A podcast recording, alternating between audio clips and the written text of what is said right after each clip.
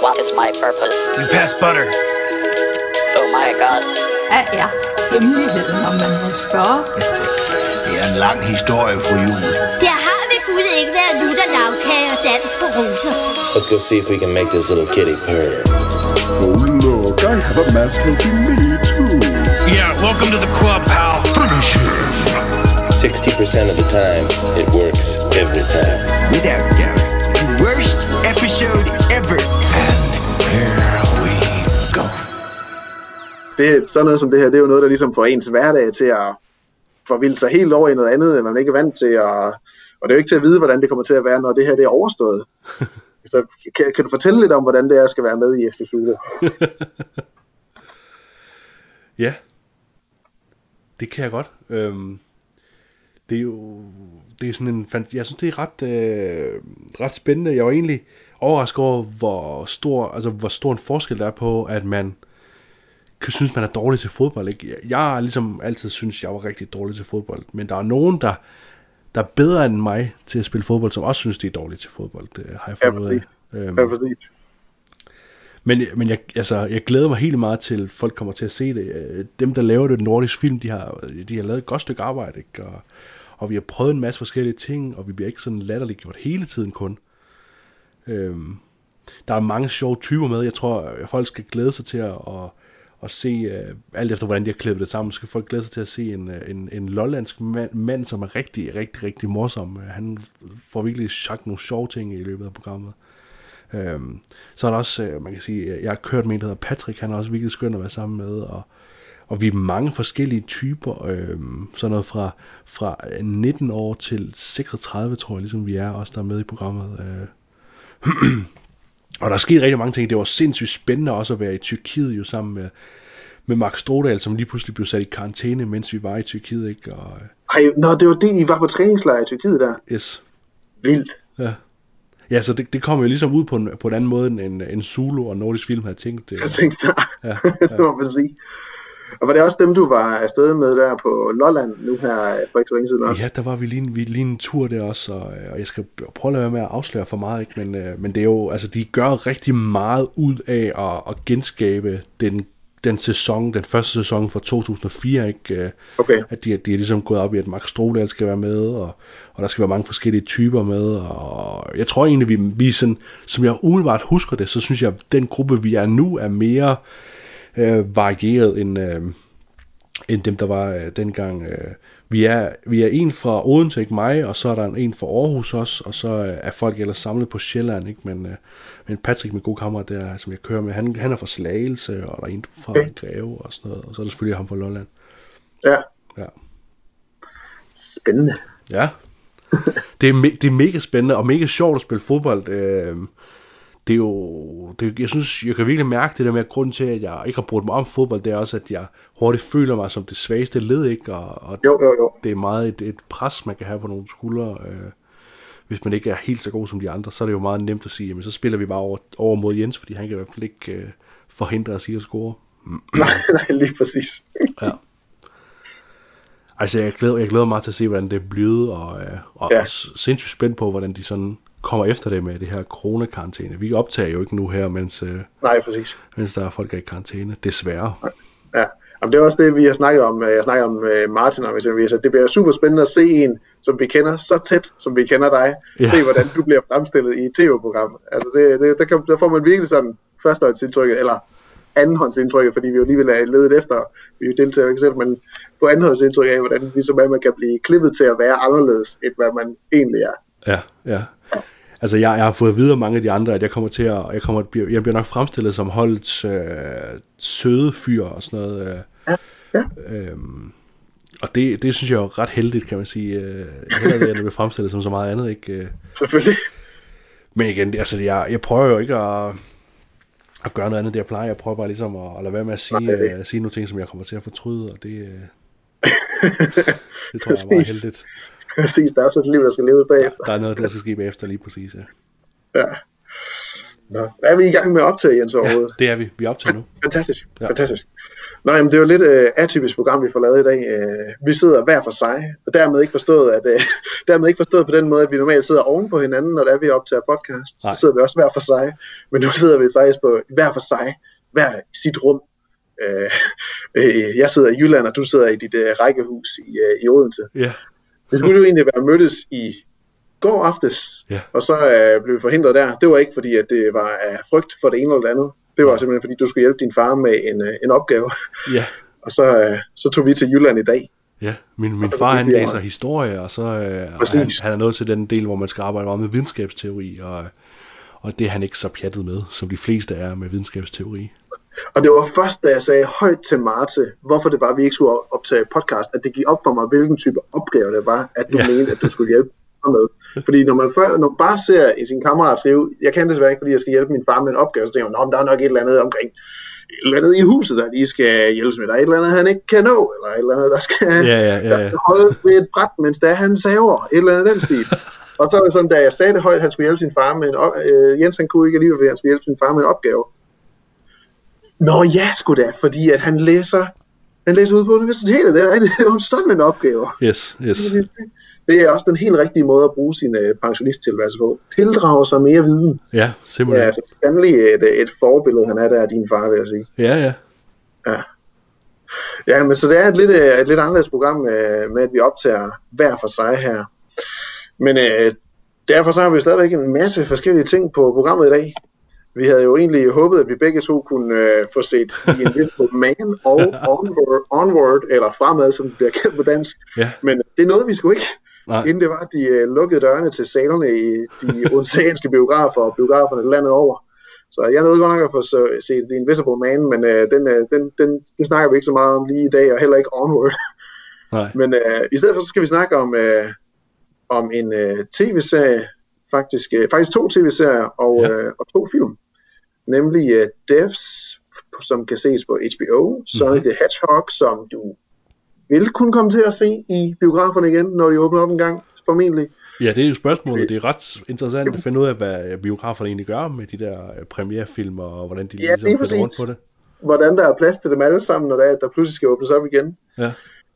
Men så skal vi også snakke om en, der er, er mulig for alle at se lige i det øjeblik, nemlig Spencer Confidential på Ja. Netflix. Den seneste Mark Wahlberg og Pete Berg, ja, man kan også bare kalde dem Wahlberg, så inkluderer man dem. ja, lige præcis, ja.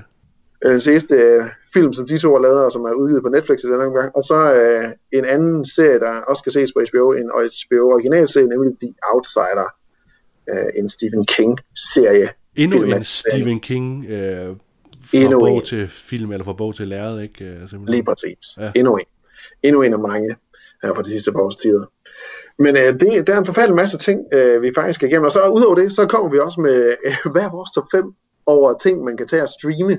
Nu mange af os øh, ikke nødvendigvis er i karantæne, men i hvert fald er i en form for isolation øh, de næste 14 dage. 14 dage plus. Vi ved jo ikke rigtigt, hvor, hvor lang tid det her det kommer til at vare. Nej, vi håber vi 14 skal- dage bare, ja. Vi håber 14 dage, hvor lang tid vi skal, vi skal holde os fra hinanden alle sammen, så vidt som muligt.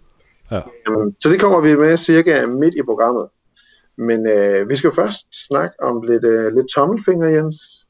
Jeg ved ikke, om du vil starte med en af dine tomler? Det vil jeg gerne. Øh, jeg vil godt give en tommelfinger op til øh, den 10. sæson af Curb Your Enthusiasm. Larry David, som jo lavede øh, Seinfeld i sin tid sammen med, øh, Larry, D- sammen med Jerry Seinfeld, han, øh, han var jo lidt, man kan sige, frontløberen for den her clown tv-serie, at, øh, at clown tv-serien er jo meget baseret på Curb Your Enthusiasm, som den her meget cringe humor. Ja. Øh, I Kirby Enthusiasm, der spiller Larry David, han spiller også sig selv, og han er jo blandt andet også kendt for at, at lave en flot uh, Bernie Sanders impersonation på SNL.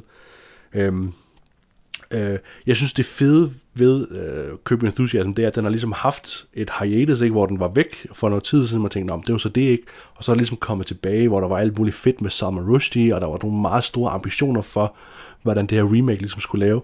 Og nu synes jeg ligesom, at med sæson 10, så er de faldet tilbage på et, øh, et fedt niveau, hvor det igen, det er ikke så meget af det her øh, akavet, det er ikke så meget Larry David, der kommer i samme situation som Frank Barms figur i øh, Clown, men det er rigtig meget det, som Seinfeld var blevet rigtig populær og rigtig kendt på, det er, at man, man laver sådan noget observationshumor, og ligesom påpeger nogle meget specielle ting. Der er for eksempel et afsnit, øh, hvor Larry David er meget frustreret over, at der er en restaurant, der har en, øh, en sektion til pæne mennesker og en sektion til grimme mennesker. Øh, og det, det går han rigtig meget op i, han kan godt være en pæn, ikke? Han er sådan en typisk usympatisk figur, men stadigvæk meget observant, og det, og det får de bare nogle rigtig gode øh, uh, vidtigheder ud af, nogle gode jokes ud af. Der er også sådan et fedt afsnit, hvor de skal til, uh, til bryllup med, uh, med en, der bliver spillet, ikke Timothy Olyphant, han spiller ikke sig selv, men han spiller en anden figur, og der er en rigtig mange ting med at få nogle dårlige værelser, med at klæde sig mærkeligt, og, og med at bestille et privatfly med overvægt. Altså, der, altså, der sker rigtig mange ting i de her afsnit i den nye sæson, uh, så den kan jeg varmt anbefale, uh, helt klart at se. Uh, også, altså, hvis man slet ikke har set Your Enthusiasm, så er det igen, det er jo et godt sted at bare fyre en masse tid af. Hvis man nu sidder, øh, jeg ved, vi har snakket meget om, at mange af de her komedieserier er fede at se, hvis man sidder og spiser for sig selv, hvis man sidder og lige skal ja, holde en pause, ikke, så kan man lige sætte uh, Modern Family på, eller et eller andet. Ikke? Og så synes jeg, Curb Your Enthusiasm, hvis man endelig mangler sådan noget i den stil, så, uh, så kører den. Ikke? Der er jo som ja. sagt 10 sæsoner nu. Præcis. Ja. Jeg tror, at Curb Your Enthusiasm, det var noget, jeg startede på lige og så de første par episoder, men det fangede ikke rigtig an for mig, fordi jeg netop havde set så meget klovn på det tidspunkt, at, ligesom, at det var den der, øh, det var bare den der omvendte følelse af, at jamen, jeg har jo set det her, så ja, ja, det var bare originalen, jeg sad og var som til at sætte mig i gang med. Men ikke desto mindre, så faktisk lige i den her uge, der så jeg en episode af den øh, nyeste sæson, nemlig en episode med øh, John Hamm, ja. i, øh, som var super, super god. Den så jeg øh, primært, fordi at en af mine yndlings tv-anmeldere, Alan Steppenwall, som anmelder Aha. for Rolling Stone, han havde, han havde bare tweetet John Hamm, og så var nødt til, hvad, hvad mener han? Han er jo forvejen, anmelderen her i forvejen en kæmpe Mad Men-fan og John Hamm-fan. Ah, ja. Så fandt det så ud af, at det var, fordi han havde medvirket som sig selv, eller en version af sig selv i Curb Your Enthusiasm, og super underholdende episode også. Øhm, hvor han jo så i for, hvor han så også er sin ekskone utro med sin søster, Larry David her, og ja, ja, ja. det er super sjovt formuleret på den måde, hvor de snakker om det sådan, Who told you? Becky. Becky told me. ja, ja, ja. Oh, okay. Well, that makes sense. han, han, han er skøn på sin helt egen måde, uh, Larry David. Ja, han, og det er virkelig om, man kan få alle til at være med i den her tv-serie. Altså, Ja. Clive Owen spiller også sig selv uh, i Okay. en af afsnittene, og, uh, og hvad det, Vince Vaughn spiller ikke sig selv, men spiller ligesom uh, en afdød uh, figurs uh, søn uh, med i det her. Ja. Um, så det, det er fedt, altså det er sjovt at se også. Ja. Jamen altså min tommel ned, det, det har jeg faktisk egentlig bare skrevet, at der ikke er nogen biografer, men det har vi faktisk allerede lige vendt. Ja. Så jeg, jeg har faktisk ikke så meget, jeg lige har en tommelfinger nedad til, udover måske nogle af de ting, vi skal snakke om, men Åh, dem, åh. dem kommer vi jo så allerede til Ja. øh, lige om lidt. Åh, tommelfinger ned, det er også bare for bredt at sige alt det her coronavirus, halløjsa jo. også for bredt at sige folks opførsel omkring det her coronavirus også. Øhm, så nej, jeg har sgu ikke lige nogen unødvendige tommelfinger ned, andet end det her med, jamen altså, jo, en tommelfinger ned, det er, at, øh, og det virker jo så øh, egocentrisk også at sige, for der er mange, der har det større problematikker at tage hensyn til lige nu. Men jeg havde lige noget at tænke sådan, okay, nu skal jeg være, men det var inden, at det blev lige graden øh, værre efter onsdagens pressemøde Frederiksen, at øh, okay, nå, nu skal jeg nok, nu skal jeg til at være 14 dage hjemme. Fint, jeg kan godt arbejde hjemmefra. Jeg har i hvert fald ikke Nora at skulle håndtere også. Okay, dagplejerne, de lukker også. Så for satan, hvad skal vi lige gøre der? Okay, så jeg skal have Nora hjem og arbejde hjemmefra. Åh, der ved jeg ikke lige, hvordan Ja, jeg skal ja, ja, forstå ja. det her.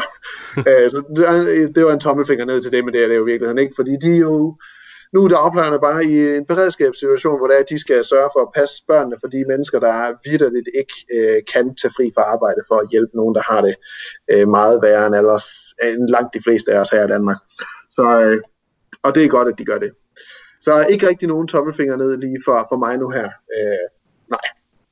Jamen, jeg, kunne, jeg kunne nemt forestille mig, at der er mange forældre, der bliver en lille smule presset over, øh, og skulle ligesom være sammen med, i begrænset, i meget begrænset form, ikke være sammen med deres børn hele tiden øh, lige pludselig. Ja. Øh, det kommer selvfølgelig an på, hvor, hvor man har ens børn henne i alderstrin og sådan noget, ikke? Øh, Præcis, altså en toårig, der, der, er det, der, der kan man ikke sætte hende til at gøre særlig meget. Jeg prøvede i går bare lige at sidde øh, om eftermiddagen, bare lige for at forberede mig til podcasten her, bare lige. Og det er altså inden for en halv, altså ja, ikke en halv time, det er at sige alt for meget. Inden for 10 minutter, der indså jeg, okay, det kommer ikke til at gøre noget her. Fordi så er der en, så er der en perle, der er røget om bag fjernsynet. Den kan hun ikke nå selv, den skal du tage, far. Kan du ikke lige tage tøjet af dukken, far? Jo, det kan jeg også godt. Far, hvad hedder den her Pokémon? og, og, og, i al den tid, der når man ikke at komme ind i noget stof overhovedet rigtigt. Så det, det, det kan man hurtigt opgive. Og det er der mange, især på mit arbejde. Vi, der er rigtig mange med små børn, eller, eller børn i den alder, hvor de bare ikke kan sættes til at være aktive øh, af sig selv. Og så er der nogen, de har simpelthen nogen, der er i et... Øh, i en vuggestue trin, lige så altså samme som Nora, børnehave og skole hvordan finder man de aktiviteter, der kan okkupere alle de tre øh, årgange, klassetrin, øh, hvor der er stor spændvidde i, hvad der interesserer dem på det, på det stadie der. Ja. Øh, så så det, der er nogle helt andre udfordringer, det der med at pludselig skal sit barn hjem, samtidig med at der også er en lille forventning af, om at man, øh, man kan arbejde. På mit arbejde er heldigvis stor forståelse for, at, øh, at det altså ikke er øh, fuld arbejdstimer, som, øh, som man kan bidrage ind med. Jeg forestiller mig lidt, at hvis man har børn i den alder der, lige inden de begynder at bruge øh, computer og, og internet hele meget, hvis man har børn i den alder, så får man hurtigt nogle børn, der hele tiden siger, jeg keder mig, far, jeg keder mig, jeg Ja, ja. keder mig.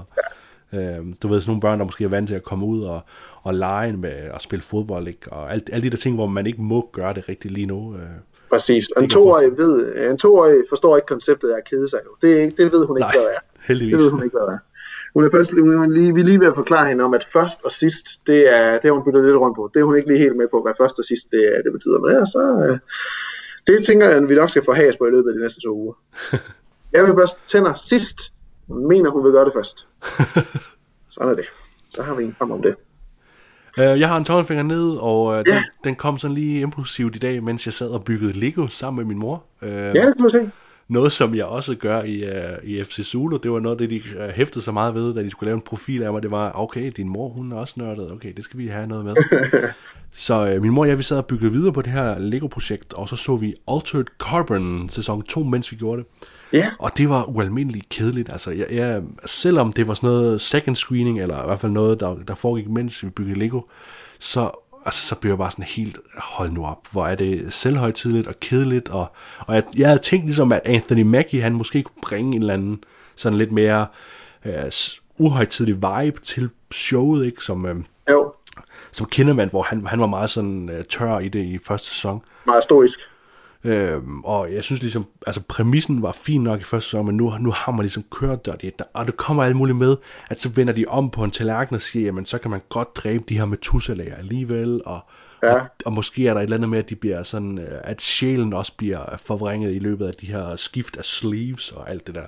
Okay. Øhm, så jeg har set de første tre afsnit, og jeg var nødt til at stoppe, fordi det var simpelthen for, for dødssygt at køre i baggrunden. Og så, så, så er det jo dårligt, kan man sige. Ikke? Så er det bedre at sætte curb på. Ja, så vil jeg hellere se Curb, ikke? Ja. Øh, men det jeg tror ikke, min mor hun er så pjattet med.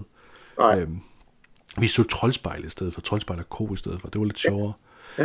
Øh, jeg vil sige så meget, Chris Connor, der spiller den her AI Poe i, øh, i tv-serien, han er skidegod, og han leverer ligesom en, en interessant øh, performance, som letter lidt, men, øh, men alle de andre skuespillere, det er bare sådan noget gammelt, selvhøjtidligt tv-serie skuespil, som man kender fra Sci-Fi-kanalen, og man kender det fra Senior Warrior Princess, og, og, og også til dels Witcher og sådan noget. Det bliver sådan lidt, det bliver lidt for, for kajtet og øh, for fæsent. Så, Ja, okay. så tommelfinger ned til det. Tommelfinger ned til det. Jeg vil give uh, tommelfinger op til uh, Explained, uh, den her uh, kortforms dokumentarserie, der ligger på Netflix. Der berører de i det her, det er noget, der kommer af den uh, nyheds, nyhedsmedie, der hedder Vox. Der, der berører de et væld af, af topics. De har også lavet Explained Sex, hvis der man har behov for det. Hvis der man Ja, tak. har nogle spørgsmål i det, det kunne vi alle sammen. Også, det er også afhængigt af alderstrin der. Hvor, hvor er man henne? Hvad forstår man? Hvad vil man gerne lige have forklaret lidt mere? Hvor, hvor skal ting hen og sådan noget? Det tror jeg også, de kommer ind på der. Jeg har ikke set det, så jeg, jeg kan lige puste mig selv på skulderen og sige, at jeg har ikke behov for det. Øh, ikke lige nu i hvert fald. Øhm, men øh, de har i deres hovedserie en masse, masse øh, temaer, de tager fat i. Blandt andet også det her med den næste store pandemi, som jeg lige så her øh, den Ah, anden okay. dag øh, om torsdagen, hvor de snakker med læger, forskere, kemikere, bioanalytikere og folk fra tech-verdenen, eller folk, der repræsenterer, der repræsenterer tech-verdenen i den her sammenhæng, Bill Gates. Øhm, om, om hvad der ligesom kan lede til den næste store pandemi, og, og at der er en større og større hyppighed, vi ser i det, øh, at der kommer flere og flere af den her type farlige viruser, øh, at de, der er større hyppighed i, hvordan de opstår. Og, øh, og den, den er virkelig, virkelig altså, virker meget faktuel og, og faktabaseret, og den er bestemt værd at se. Det er 20 minutter, der giver et rigtig godt indblik i, hvordan hele sådan noget virus øh, tilblivelse, det, det foregår.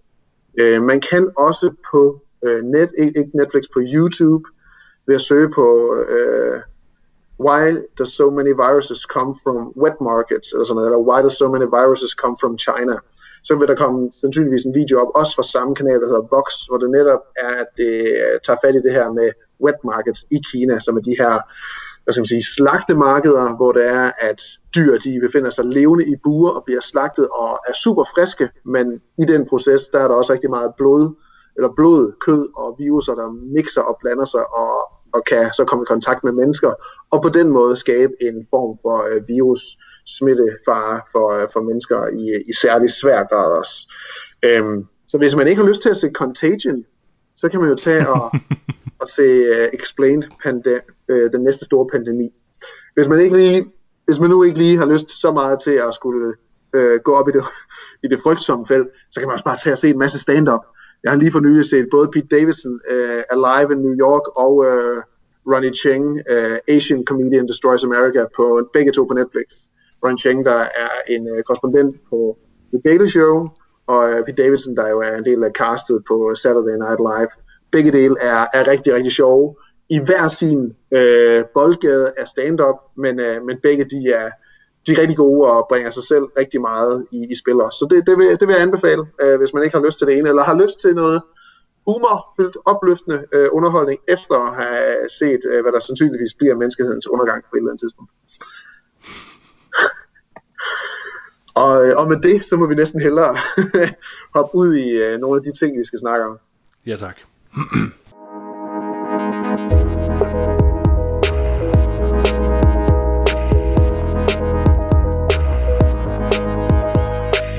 Jamen, lad os starte med, uh, med Sonic bare. Øhm, Ja, lad os gøre det. Hvad hedder det? øh, Da du så traileren til, uh, til Sonic, var det så, var du så altså, ja, nu snakker jeg jo i virkeligheden af begge Den trailer. tra- begge trailer, ja. ja.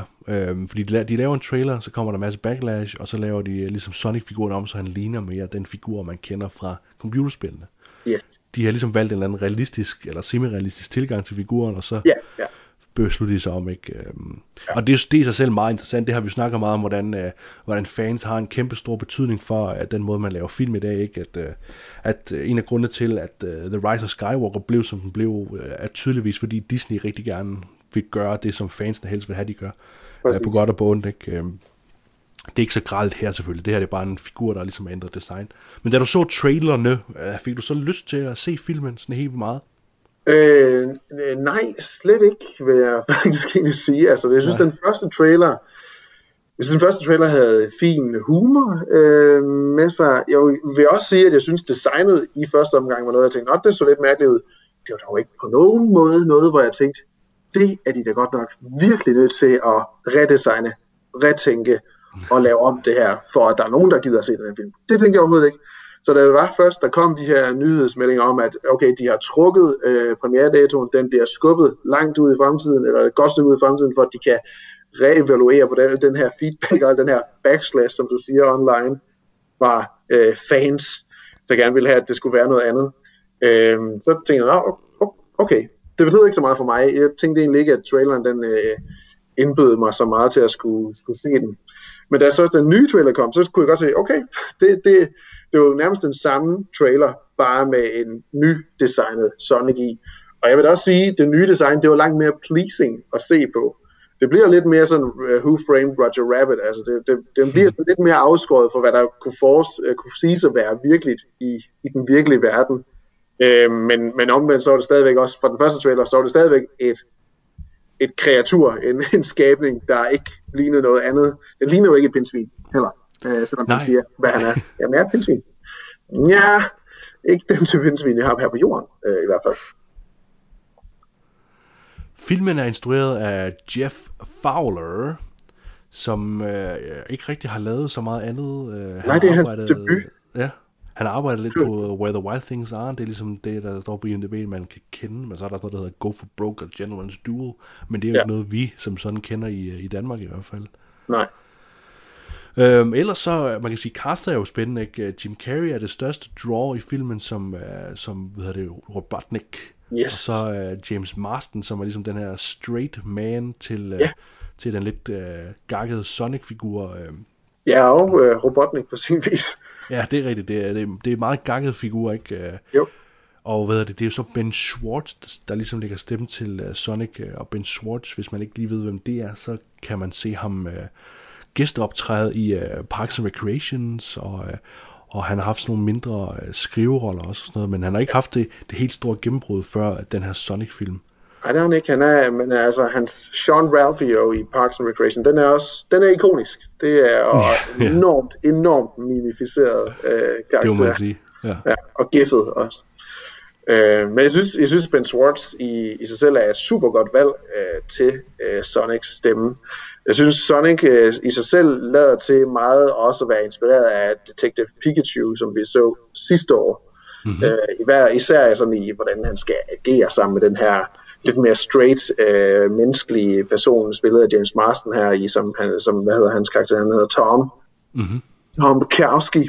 Øhm, jeg synes egentlig, han er rigtig, rigtig god, øh, Swartz. Han, han er rigtig god til at gå i grænselandet af at være alt for meget, og så lige trække tilbage. Og han, han tilføjer faktisk noget sådan stærk sårbarhed til, til Sonic også, som filmen jo egentlig introducerer efter et lille exposition dump om, hvor Sonic sådan oprinder fra, kommer fra, og de her ringe, som også er et ret løst, ret løst forklaret element af Sonic, øh, og Sonics mytologi og gameverden.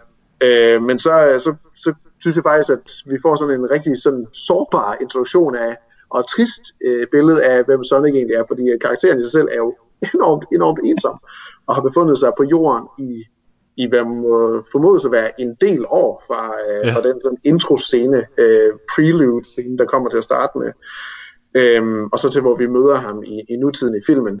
Der er han jo en, en, en rigtig, rigtig trist karakter. Jeg synes, Ben Schwartz, han, han tilføjer rigtig meget med sin, med sin stemmeføring der. Øh, Så jeg synes egentlig, det, er- han, han gør det rigtig, rigtig godt som Sonic, og han, man får virkelig lyst til at, øh, at være i scenerne sammen med karakteren, uden at, uden at det sådan, indimellem, så kan det godt være uh, lige på grænsen til at blive for meget, fordi han er den her hurtigt snakkende type i sig selv også, Ben Schwartz, som han også er i flere af sine andre roller, eksempelvis også John Ralphio. Men, øh, men han er god til at, og, og Jeff Fowler også, eller klipperne, de er gode til at trække ham lidt tilbage, så det er, at det ikke bliver alt for overgjort. Ja. Jeg tror, grunden til at spørge om det der med traileren, det er fordi, da jeg så traileren, så tænker jeg meget, jamen det her det er jo bare uh, Alvin and the Chipmunks eller Smurfs-filmen, ikke? Ja, hvor man har ja. taget nogle uh, tegnefilmsfigurer og sat dem ind i et meget uh, genkendeligt, men samtidig meget barnligt univers. Uh, det er jo ligesom den feel, jeg fik, når man ser James Marsden, der ligesom er ved at besvime, når han ser den her helt vanvittige figur, ikke? Som jo netop, som jo. du siger, det her blå væsen, som jo ikke rigtig ligner et, et pindsvin, men så alligevel bliver kaldt det. Um, men jeg bliver bare enormt positivt overrasket, når jeg ser filmen, fordi øh, først og fremmest så arbejder den rigtig meget med det princip om, jamen, hvordan ville det jo være, hvis Sonic rent faktisk var i vores verden, ikke? Altså, hvordan, Ja. øh, hvordan vil folk reagere på det? Og det, og det er jo sådan meget forventeligt, at folk øh, kan slet ikke sådan helt kapere, at der er det her rumvæsen, som de ligesom kalder ham, og, og allerede der bliver, øh, man kan sige, E.T.-sammenligningen, Ja, E.T. ja, The er Extraterrestrial, den bliver enormt tydelig øh, Ja. på, sådan en, på sådan en meget let, og her det bliver det sådan meget road, uh, road movie Ja, komedie lige præcis, det en del af det også. ja. Ja. Øhm, og så synes jeg jo egentlig, det, det, der, det der egentlig giver filmen sit sidste nyk for mig, ikke, det er også, at den jo arbejder med, at Sonic er også en eller anden en superhelt i det her univers, øh, og der, der er sådan hele tiden et, et godt frem og tilbage spil at sige, jamen hvis han er så hurtig, hvorfor har han så nogle udfordringer? Jamen det har han jo så kun fordi, at ved det, Robotnik kan finde ud af at, at tilpasse sig øh, hans evner, og, og så det sidste så, øh, finder Sonic, og det, er jo sådan, det synes jeg er ret fint, ikke? At, øh, at filmen arbejder hele tiden hen imod, at, at Sonic han skal lære ikke at løbe fra det, altså han skal ligesom bruge hans evner til noget andet end bare at, at flygte fra øh, problemerne, hvilket filmen jo starter med, at han flygter fra øh, den krise, der ligesom er i hans hjemverden. Hjemmeverden er. Jeg synes desværre ikke, at, at, at de sådan får løst action. Altså actionscener synes jeg egentlig ikke er særlig spændende at se. Nej. Der er, den, der er den her midter uh, slow-mo scene, som vi får, som jo Altså, den, den, den, den kunne lige så godt være taget af de her nye X-Men-film. Ja, med er en Quicksilver-scene. ikke? Evan, Ja. Evan Peters' uh, Quicksilver, hvor det er Sonic. Den er ret lang, uh, og den er super fin, og rigtig, rigtig sjov og humoristisk også, hvordan han bevæger sig rundt på en, uh, en, uh, en motorvejsbar stoppested, uh, og egentlig ja, sørge for, at alle, alle brækkerne falder på plads, når der er at tiden, så at sige, vender tilbage, eller tiden bliver normal igen. Øhm, og den, den, er, den er god, men det er egentlig sådan den eneste sådan action scene, der sådan springer lidt ud, og det er jo en action scene, hvor det, er, at det hele faktisk går langsomt igen. Jeg synes egentlig ikke, den er særlig god til at, at manøvrere og vise sådan Sonics hurtighed og de evner særlig godt. Der er den her, øh, og, øh, hvad skal man kalde det, highway chase øh, scene også, hvor det er, at øh, de bliver jagtet af Robotnik, Tom og, og Sonic i en bil. Hvor det er Sonic så ja, tilgår den her ekstra sæt kræfter, som han kan, øh, når det er, han bliver ekstra skinnende blå øh, og ruller afsted. Og det er egentlig, det, er ikke, det sker måske to-tre gange, at han tilgår de her kræfter, hvor han kan rulle. det lyder som et vanvittigt fit move. Ja. Kunne rulle rigtig hurtigt og hårdt.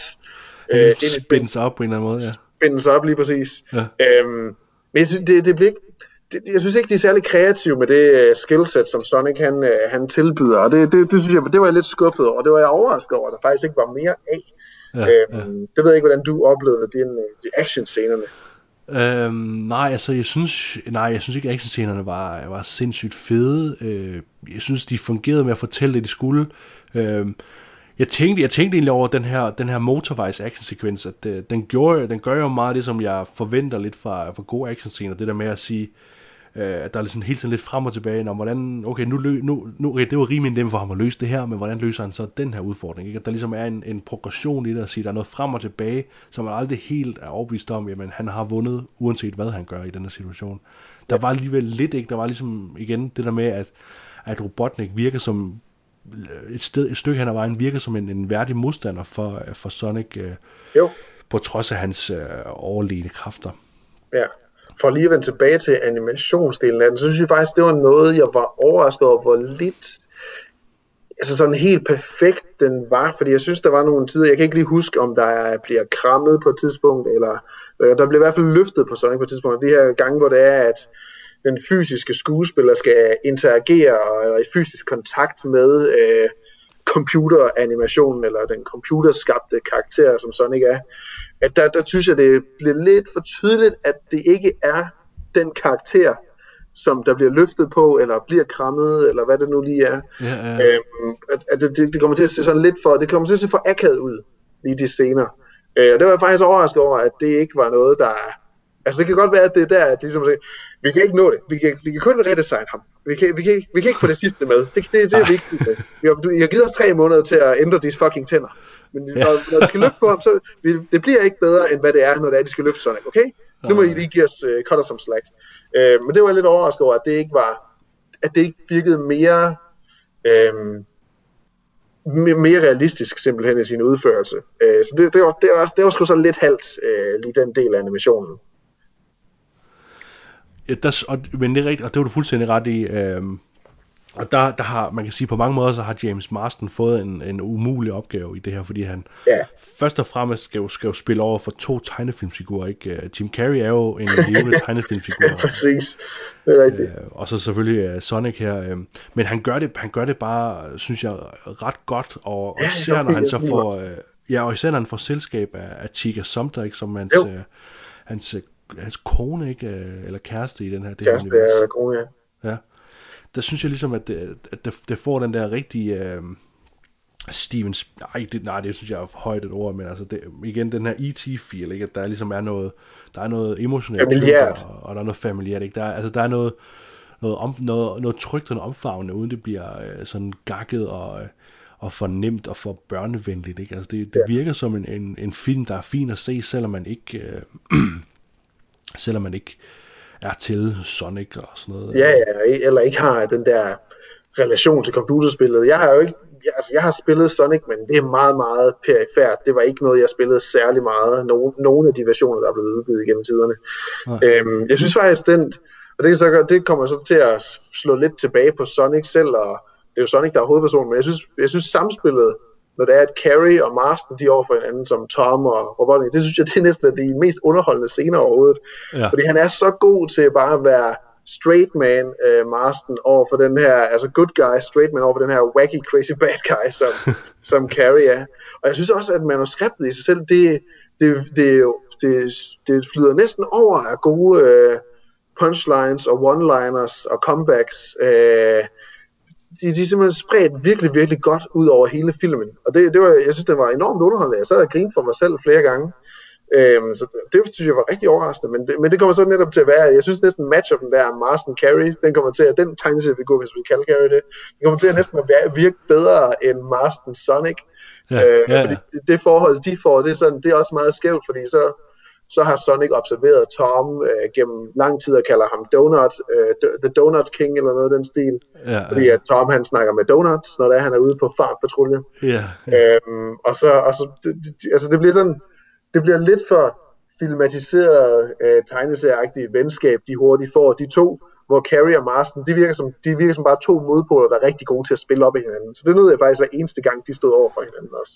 Næsten også mere end selve Carrie Sonic så i virkeligheden også. Ja, ja, ja, det er rigtigt. Jamen, og, og, jeg synes virkelig, der, er, der skal meget siges om, øh, om Jim Carreys øh, sådan lidt return to form i, øh, i Sonic-filmen her, hvor at vi har jo sådan øh, givet lidt op på ham, ikke efter vi så Kidding for eksempel, og, Ja, øhm, det var noget helt andet. og han har lavet de, nogle lidt seriøse film, og Dummer Dummer 2 og sådan noget, så han har været, han har ligesom manglet et eller andet øh, comeback på en eller anden måde, ikke? I hvert fald især et comeback sådan til genre-delen for ham. Ja, ja.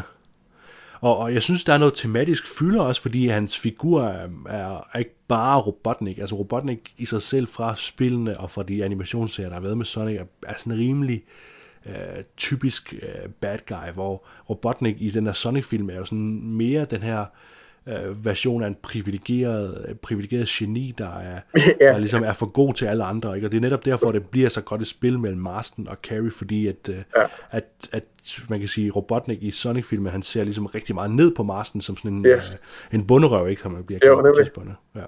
Ja. Altså, der, jeg synes også, det er en skøn scene, hvor vi ser, altså, hvor der kommer den her øh, Incite Incident, eller Point of No Return, hvor det er, at hvor Sonic han laver det her øh, blackout, det her strømafbrydelse i hele USA, virker det til. Jeg kan ikke huske, om det er hele USA, eller om det bare er en del af USA, som så får folk til at finde, øh, give, hvad hedder det, folk incitamentet til at skulle finde ud af, hvad var det her? Og som i sidste ende leder til opdagelsen af Sonic, øh, hvor vi sidder med den her sådan gruppe af generaler og embedsmennesker eller beslutningstagere, og der er den her ene øh, kommandør, Tom Butler, der spiller Commander Walters, som, som foreslår at bringe Robotnik ind. Og han, sidder, og han er tydeligt, det er ham, der har autoriteten til at tage den beslutning. Men han er sådan virkelig meget en, øh, nu kan jeg ikke huske præcis, hvad karakteren hedder, men den øverste leder i politiskolen, filmene. Øh, nu kan, Nå, jeg, ja. jeg, jeg kan ikke lige huske, hvad han hedder, men han virker Nej. rigtig meget som den type.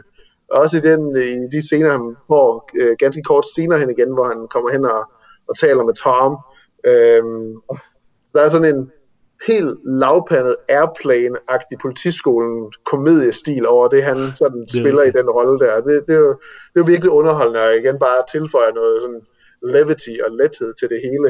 Øhm, også, også den reaktion, som resten af de her øh, generaler, de kommer med sådan, den freak, vil du bringe ham ind? He's the best guy for the job. Okay, ja, det er rigtigt. okay. Ja, altså, og der er også sådan en, altså en fed dansescene med Jim Carrey, som uh, ikke passer rigtig så godt Ja. ind, men, men bare er der for ligesom at give lidt uh, kant, ikke? Uh, hvor han danser, Jo. tror det er Where Evil Grows, tror jeg den hedder, den sang, han danser til der. Det er præcis. Ja. Og det, det virker netop også bare som noget, altså det er noget, man kan forestille sig, at Fowler han har givet uh, Carrie carte blanche til bare, uh, så tænker vi, at Robotnik han danser til den her sang, og der kan du egentlig bare let loose. Og det er så, det, det er så hvad der kommer ud af Carries uh, krop, når det er, at han hører den sang der. Som ja. også er altså, en, en aparte scene, men den spiller i konteksten af det hele, vil jeg sige. Og det, altså det virker som om, at, uh, at de måske har fået Jim Carrey til ligesom at være med på at lave en toer også, ikke, på en eller anden måde. Jo, lige præcis. Der er jo en, en, øh, et par, to post-credits øh, scener, eller to efterscener, hvor den ene så er dedikeret til øh, Robotnik, hvor man så allerede ser lidt, at han, øh, han får noget af det mere klassiske spildesign. Ja. Ja. Øhm, og, og, og, så, altså, og øh, salgstændene for Sonic har jo været super flotte, øh, faktisk. Ja. Nogle vist nok, øh, kan ikke huske, om det har været nogle af de bedste, men det er i hvert fald filmen er anmeldes bedre end langt de fleste øh, spilfilmatiseringer. Så, så på den måde, så er der da grobund for, at øh, der godt kunne komme en til. Jeg tror heller ikke, at Sonic the Hedgehog nødvendigvis er en film, der har krævet det allerstørste budget, for det er jo primært faktisk Sonic og, og alt det grafik, der kommer rundt om ham, der kræver noget animation. Og så selvfølgelig Robotniks, øh, hvad skal man sige, droner. Øh, men ellers er, det jo, ellers er det jo ikke på den måde en CGI-tung film ellers, fordi Nej. langt det meste af øh, filmen udspiller sig på, øh, på jorden. øhm, hvor, hvor den dyreste film nogensinde, øh, som jeg mener inden for spillet, det var jo øh, Warcraft, ikke? Øh, Jo, der, var, jo, der, jo, var, jo. der var stort set alt jo lavet i, i CGI, så, så den, den, Ja. ja. det var lidt et andet tab, øh, at den ikke klarer sig så godt, i, i, i hvert fald i vest, den vestlige del af verden. Så jo, altså, jeg vil også sige, at jeg har da lyst til at se mere af, af Sonic.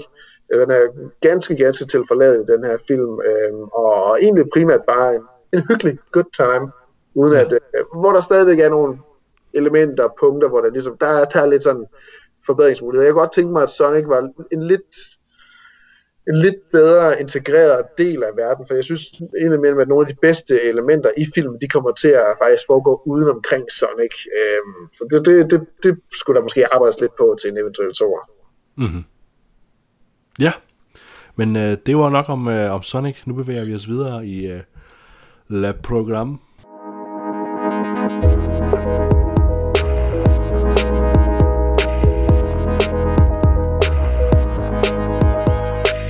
Ja, skal vi tage og snakke lidt om, øh, om devs, og Yes. hvad fanden devs det er. øh, for det lader jo til at være spørgsmålet, som langt de fleste karakterer, de stiller sig selv og hinanden i løbet af den her serie for, øh, fra Alex Garland, der er Alex Garlands første serie. Han har jo øh, skrevet øh, 28 dage senere den her øh, zombie-film, hedder Danny Boyle for flere år siden. Ja, Og øh, skrev han delvis instrueret, måske det er der i hvert fald rygter om, den her Dread remake-film Ja, med Carl. Urban, som vi jo begge to er virkelig glade også for. Ja. Og det er jo måske i virkeligheden øh, lidt øh, startskuddet for vores kærlighed til, til Garland. Øh, Ex Machina, den havde vi jo på som den tredje bedste film, hvis ikke jeg husker helt galt, for vores øh, julekalender over 10'ernes det er fuldstændig rigtigt, ja. Lige præcis. Øh, Ex Machina, som var hans instruktørdebut, officielle instruktørdebut i hvert fald, som han også selv skrev. Øh, og så Annihilation fra 2018, som var min yndlingsfilm fra, fra 2018, som han også ja, igen ja. selv skrev screenplay på øh, efter en novelle af Jeff Vandermeer, Ja. øh, og så også instrueret selv. Og så har han så nu kommet med den her øh, serie, der hedder Devs, som, øh, som kan ses på HBO Nordic, øh, men som er en del af, af Hulu-udbuddet. det hedder FX on Hulu, og det er jo fordi, der er en tv-station over i USA, der hedder FX, mm-hmm. som hører under 20th Century Fox, eller som det i hvert fald hedder, det vil sige, at Disney jo nu ejer FX, og så Hulu, det er en streamingkanal, der hører under Disney. Det er meget forvirrende og øh, indviklet det hele. Det er i hvert fald en, en serie, der er backet af Disney, men som i sin oprindelse nok var en, hvad hedder det, tiltænkt primært F's, øh, FX og, og 20th Century Fox. Men den har Disney så fået med i købet jo. Ja. Og det kan man så sige, om de sandsynligvis er glade for. Den er det er i hvert fald en, der, der ud, udvider dem på en eller anden måde i en ganske, ganske særpræget øh, retning. Øh, castet til den her serie, der er Sonoya Mizuno, som man øh, måske sidst så i, øh, i Ex Machina også. Hun havde også en birolle ja. i Maniac, den her Carrie Fukunaga øh, Netflix-serie med rigtigt, ja. Jordan Hill og, øh, og Emma Stone, hvor hun spillede en, øh, en scientist sammen med Justin Theroux. Så er det Nick Offerman, som også øh, er mest kendt for en rolle, nemlig i Parks and Recreation, ligesom Ben Schwartz, nemlig som Ron Swanson. Øh, yes. Han spiller Forrest, der er øh, leder og CEO af den her tech-virksomhed, der hedder Amaya. Og det er i virkeligheden nok de, de primære to. Øh, der er også en bikarakter til Alison Pill, og så er der også den danske Linnea Bertelsen, også med i en i-rolle. Hende så man nok sidst i, øh, i den mest udskilte Stranger Things episode hidtil, nemlig fra Stranger Things episode, ja, det kan jeg ikke huske, men sæson 2 i hvert fald, hvor Eleven hun møder en anden ung pige, der også har lignende kræfter som hende. Det er så Nå ja. oh, Linnea Bertelsen, der spiller den karakter. Ah. Hun er også med her i, i Devs. Øhm, hvad vidste du om Devs, inden, øh, inden du så den, Jens? Vidste du noget? Øhm, det eneste, jeg behøvede at vide om Devs, det var, at det var Alex Garland, der havde lavet det. Øh, fordi som man godt kan høre på det, du siger, ikke, så vi to er jo, er jo rimelig fanagtige omkring øh, Alex Garland, de ting, han har lavet. Øh. Vi falder ham ret hurtigt for fødderne, det, det må man sige. Jeg ved ikke, har du, har du læst eller set uh, The Beach? Uh, det var også en, en Nej, bog, han den har, skrev jeg, jo. den har jeg aldrig øh, fået set, nej. Også Danny Boyle, der filmatiserede den lige præcis, ja. Ja, ja. ja. Den har jeg aldrig læst, nej. Nej, fordi, men ellers, som du siger, alle de ting, han ligesom har været inde over, øh, han har også ja. været med til at, at lave et computerspil, der hedder Enslaved, uh, The Odyssey, ja. og sådan noget. Øh, også et fedt, øh, fedt computerspil, og han har et eller andet med det her med, og det kan man det kan vi snakke om lige om lidt, med at, med at sammensætte sådan teknologi og, og natur, og ligesom sætte det over for hinanden, og, og se, hvor absurd det ligesom kan blive, når man sætter øh, de ting over for hinanden. Øh, og så er han også tydeligt inspireret af en vis uh, russisk filmskaber, øh, ja, som vi har snakket lidt om. Ja, præcis. Jamen det er jo det, fordi at det er ikke nødvendigvis fordi, at hans film indtil nu, eller hans produktioner, de har været kæmpe kommercielle succeser, men de er blevet virkelig, virkelig anerkendt af kritikere og, og filmverdenen øh, generelt, hvor det så primært lige er The Beach, der lige stikker ud her, ikke? som er en film, der er sådan, af Danny Boyle, der er sådan, forholdsvis udskilt i hvert fald en rolle, eller i hvert fald en film, som, øh, som der sjældent bliver hævet frem, når man snakker om de bedste film fra Leonardo DiCaprio, øh, som er medvirker der i hovedrollen. Men så er øh, hans produktioner er nogle af dem, der sådan tit bliver fremhævet som værende nogle af de sådan mest out there og nyskabende inden for science fiction genren, og virkelig er en, der bliver set til, øh, når man ligesom skal se, okay, hvad er, hvad er benchmark inden for for udforskende og tankevækkende sci-fi i dag, der, der lader Garland til at virkelig være, være en, en, en banebrydende øh, spiller her inden for de sidste, sidste 10 år. Altså, vi, vi, vi kan jo allerede nu sådan have en, en rimelig klar forventning til, hvad, vi, hvad, hvad Garland han leverer, fordi han, han er lidt en ensporet type, lidt af Damien Chazelle og, ja. og nogle andre.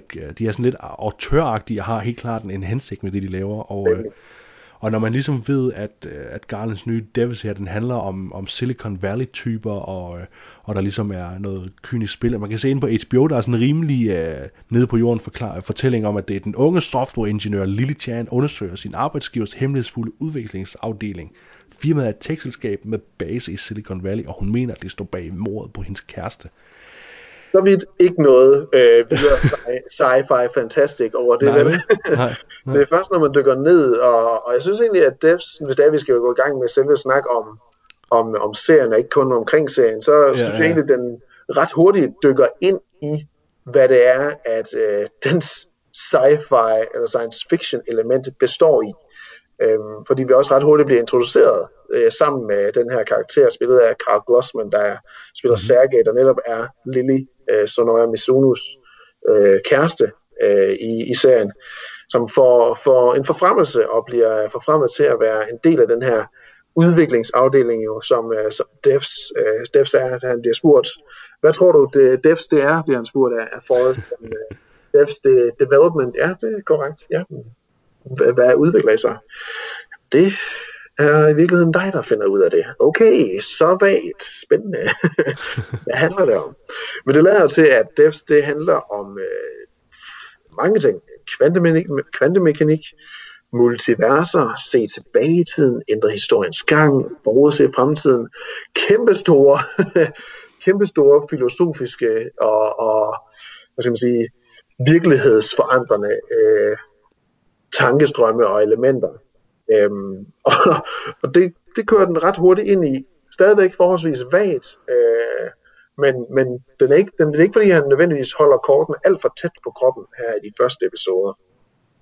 Altså, nej, når du siger det der, så tænker jeg også på meget af det, jeg læste om serien, inden jeg begyndte at se den, og det var, at, øh, at den ligesom havde en meget mystik omkring sig, der var mange mysterier, og der var mange sådan, øh, dybe lag, som man skulle ned i, og det synes jeg jo ikke, at den har, i hvert fald ikke i forhold til Annihilation, som jeg måske havde en lille smule svært ved ja, ja. at se, øh, fordi den blev så, øh, så stalker, og så, øh, hvad hedder den anden, øh, at den blev, blev sådan, sådan meget filosofisk og meget kompleks metaforagtigt, ligesom uh, Ari Aster blandt andet, og ja, Jordan Peele, ikke ja. sådan noget. Men, men her devs, altså vi er ekstremt meget i samme territorie, som vi er i med, øh, med Ex Machina, ikke? at vi har ligesom en, en ung koder, altså det, det er fra start af sådan for forstyrrende meget det samme, der sker, ikke? vi har en ung koder, der lige pludselig bliver introduceret til en ny teknologi, som chokerer ham helt sindssygt, og vi har ham åbenbart stående foran et spejl og går helt fra den, fordi han, øh, fordi han finder ud af, hvad det er, at øh, de bygger her ved ja, Devs. Og, øh, og vi får sat, altså i første afsnit her i pilotafsnit, der får vi sat en af de vildeste,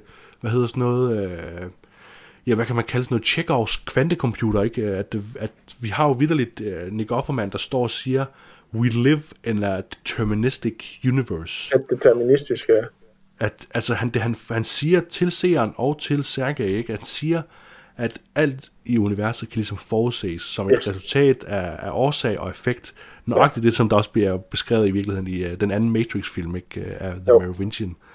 Øhm, og det, er jo, det, det i sig selv er jo en helt, hvad kan man sige, fænomenal, men også meget begrænsende præmis, ikke? fordi vi som, som opmærksom seere er jo hele tiden øh, opmærksom på, jamen hvis, hvis vi får at vide, at alt i det her univers i hvert fald er en årsag og effekt, jamen hvad betyder det så egentlig for de valg, der bliver truffet af karaktererne? Vi, Ja. Man kan sige, jeg bliver i hvert fald meget udfordret af, af ideen her, øhm, men bliver så også meget fascineret af det, fordi det er, jo, det er jo en præmis, der ligesom så bygger på, at med kvantecomputer, en teknologi, som er meget virkelig nu jo, i forhold til det Google har fundet, fundet ud af, Ja, ja. med kvantecomputer er det jo lykkedes dem, og det er så det, der er seriens præmis, det er, at der ligesom er et kæmpe tech-firma, der har formået at, øh, som Sergej siger, this literally changes everything, fordi de ligesom har en computer, der er så stærk, at den kan projektere øh, stort set alle historier, der har været de sidste 2.000 år, ikke, øh, får Ja. vi at vide.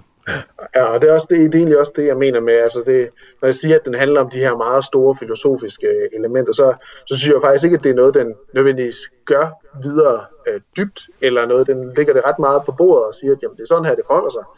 Øh, og hvor det netop, det er helt rigtigt, det, hvor Annihilation, der, der så jeg jo lag på lag på lag på lag på lag af ting, jeg synes, der den, den, den kommenterede på. Og det, det er ikke min oplevelse med Devs her. Øh, og, og, og, og, og det, det er, det, jeg synes, det er en ret spøjs serie at gå i gang med, fordi den er, det, det er tydeligt en, en Alex Garland-serie, filmet også. Den er, den er filmet af Rob Hardy, som også stod for cinematografien og fotograferingen mm. af Ex Machina og Annihilation. Den er, den er virkelig, virkelig flot, og helt rigtigt, som du siger, så, så fører de også hans sådan, fascination af natur kontra øh, teknologi med ind i det, fordi der er virkelig mange flotte billeder af det her sådan kompleks, øh, teknologikompleks, de har ude i, øh, i San Franciscos nærliggende skove, øh, skov, skovområde, øh, hvor Defs bygningen den er, og, og hvor selve øh, Amaya-bygningen er, og så de her meget, meget flotte store træer øh, i, i, i og omkring øh, området. Øhm, og den, den har også det her sådan, den her helt samme æstetik med, at det ligner, at der er blevet sådan lagt et slør på, så man nærmest skal se støvpartiklerne rundt i rummet. Ja, Øh, der er det her sådan, den er sådan den her hazy fornemmelse af, at man er, man er ikke helt, man er som om øjnene ikke er helt spærret op, øh, når man ser den, fordi den, den har det her sådan lidt sløret filter over sig, som Ja. også igen øh, går igen tilbage fra Machina og Ex Machina og, og Annihilation, så så elementerne deri, det virker rigtig meget som det samme, som vi kender fra Garland.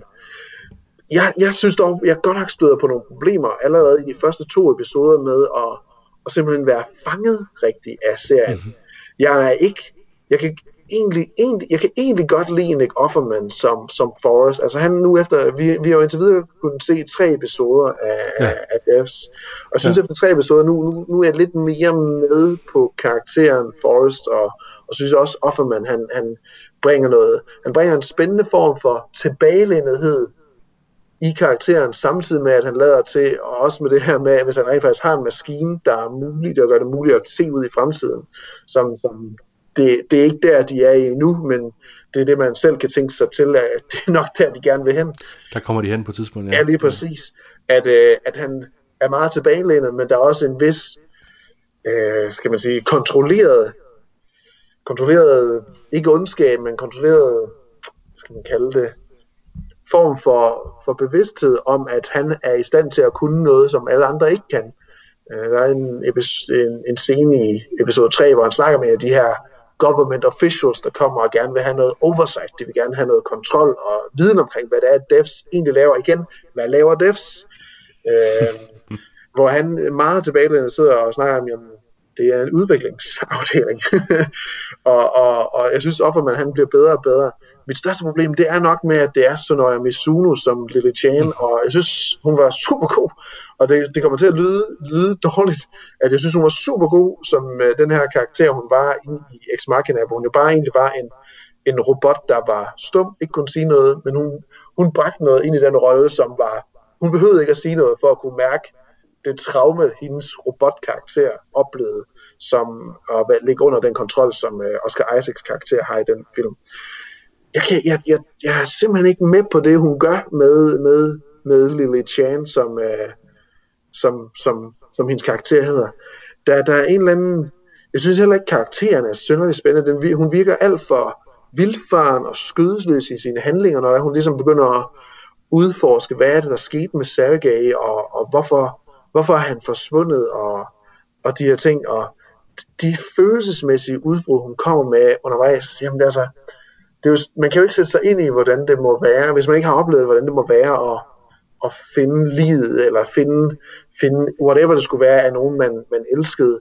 Men, men de, de udbrud, hun kommer med, de, de, de, de er på mig sådan tårkrumler, de, de, de føles virkelig.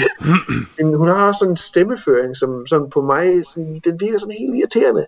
Altså den sådan, jeg synes, hendes karakter, den virker sådan out of touch med, hvad alle de andre, de gør. Og hendes stemme, den er så Ja. lille og spinkel. Hendes stemme, den er så lille og spinkel. Og det er hun jo også selv. Men det bliver så nærmest en irritation, snarere end en, jeg hæver på rigtigt. I hvert fald i de første par episoder.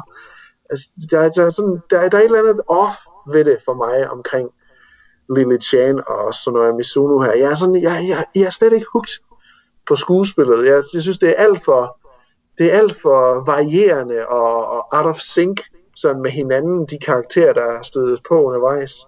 Der er også den her, hvad hedder han, ham der spiller ham, øh, Zach Grenier, der spiller Kenton, den her sikkerheds øh, som er meget en, en uh, Mike Ehrmantraut type fra, fra Breaking Bad, der ligesom bare gør tingene, no questions asked, og, og professionel omkring det. Men den sådan melankoli og ondskab, der er strømmer ud fra ham, det, der, der, der, er sådan et, der er et eller andet clash, oplever jeg, i blandt nogle af de her karakterer, og det skuespil, de, de, de leverer. Det er sådan, jeg, det er sådan, jeg, kom, jeg kommer ud af det, og det, det jeg er virkelig overrasket over, øh, og hvor, hvor, hvor meget betydning det har for mig lige med Devs her. Det, øh, det, det, det er jeg virkelig overrasket over. Det, det, det har taget meget fra mig, øh, ja. de første tre episoder. Jeg ved ikke, om det er noget, du har, det, om det er noget, der har stukket dig, Jens. Jo, men jeg synes, du har helt ret, at, øh, at vi mangler klart noget, sådan noget, et fundament for, for Lily Chan, for at finde ud af, hvem hun er som, øh, som main character, fordi at, øh, og nu har vi også kun tre afsnit at, at gå ud fra, men det er jo som, som om, at, øh, at øh, pilotafsnittet, der er det Sergej, der ligesom er hovedpersonen, ikke? Og så andet afsnit, der, der skal vi sådan meget leve i hendes øh, sorg og hendes forvirring over, hvem var Sergej rådet for, og hvad, ja. hvad, altså, hvad, hvad var det, hun ikke vidste om ham. Og så i tredje afsnit, så skifter hun karakter igen, ikke? Og så lige pludselig så har vi sådan en, en meget ressourcestærk, og, øh, og en, der kan ligesom øh, løbe om hjørner med mange af de andre Ja, figurer. lige og præcis, sådan lige noget. præcis, ja. Så vi har ikke noget fast holdepunkt med figuren endnu, og det, øh, og det håber jeg ligesom, at vi får hen ad, vej, hen ad vejen. Og så, øh, og man kan sige, det er også lidt underligt, fordi vi igen, igen har vi ligesom en fortælling, der, der har klart noget, som er virkelig interessant at udforske, Ja, ja. Men, men vælger ligesom at, at, at udforske noget, der er lidt mere konventionelt, Ja, ikke? okay. At, at det, det bliver, det, det kommer meget, til- altså serien kommer meget til at stå og falde på, hvorvidt det lykkes Alex Garland at forene det her med, at der er nogle, øh, nogle ret interessante figurer, ikke? de her developers, som jo arbejder med at kunne projektere øh, Marilyn Monroe, der har sex for eksempel. Eksempelvis, ja. Øhm, øh, og så den her historie om en, øh, om en ung, ung øh, hvad det, programmør, der ligesom prøver ja. at finde ud af, hvad der er sket med hendes øh, kæreste i det her Ja. tech-firma.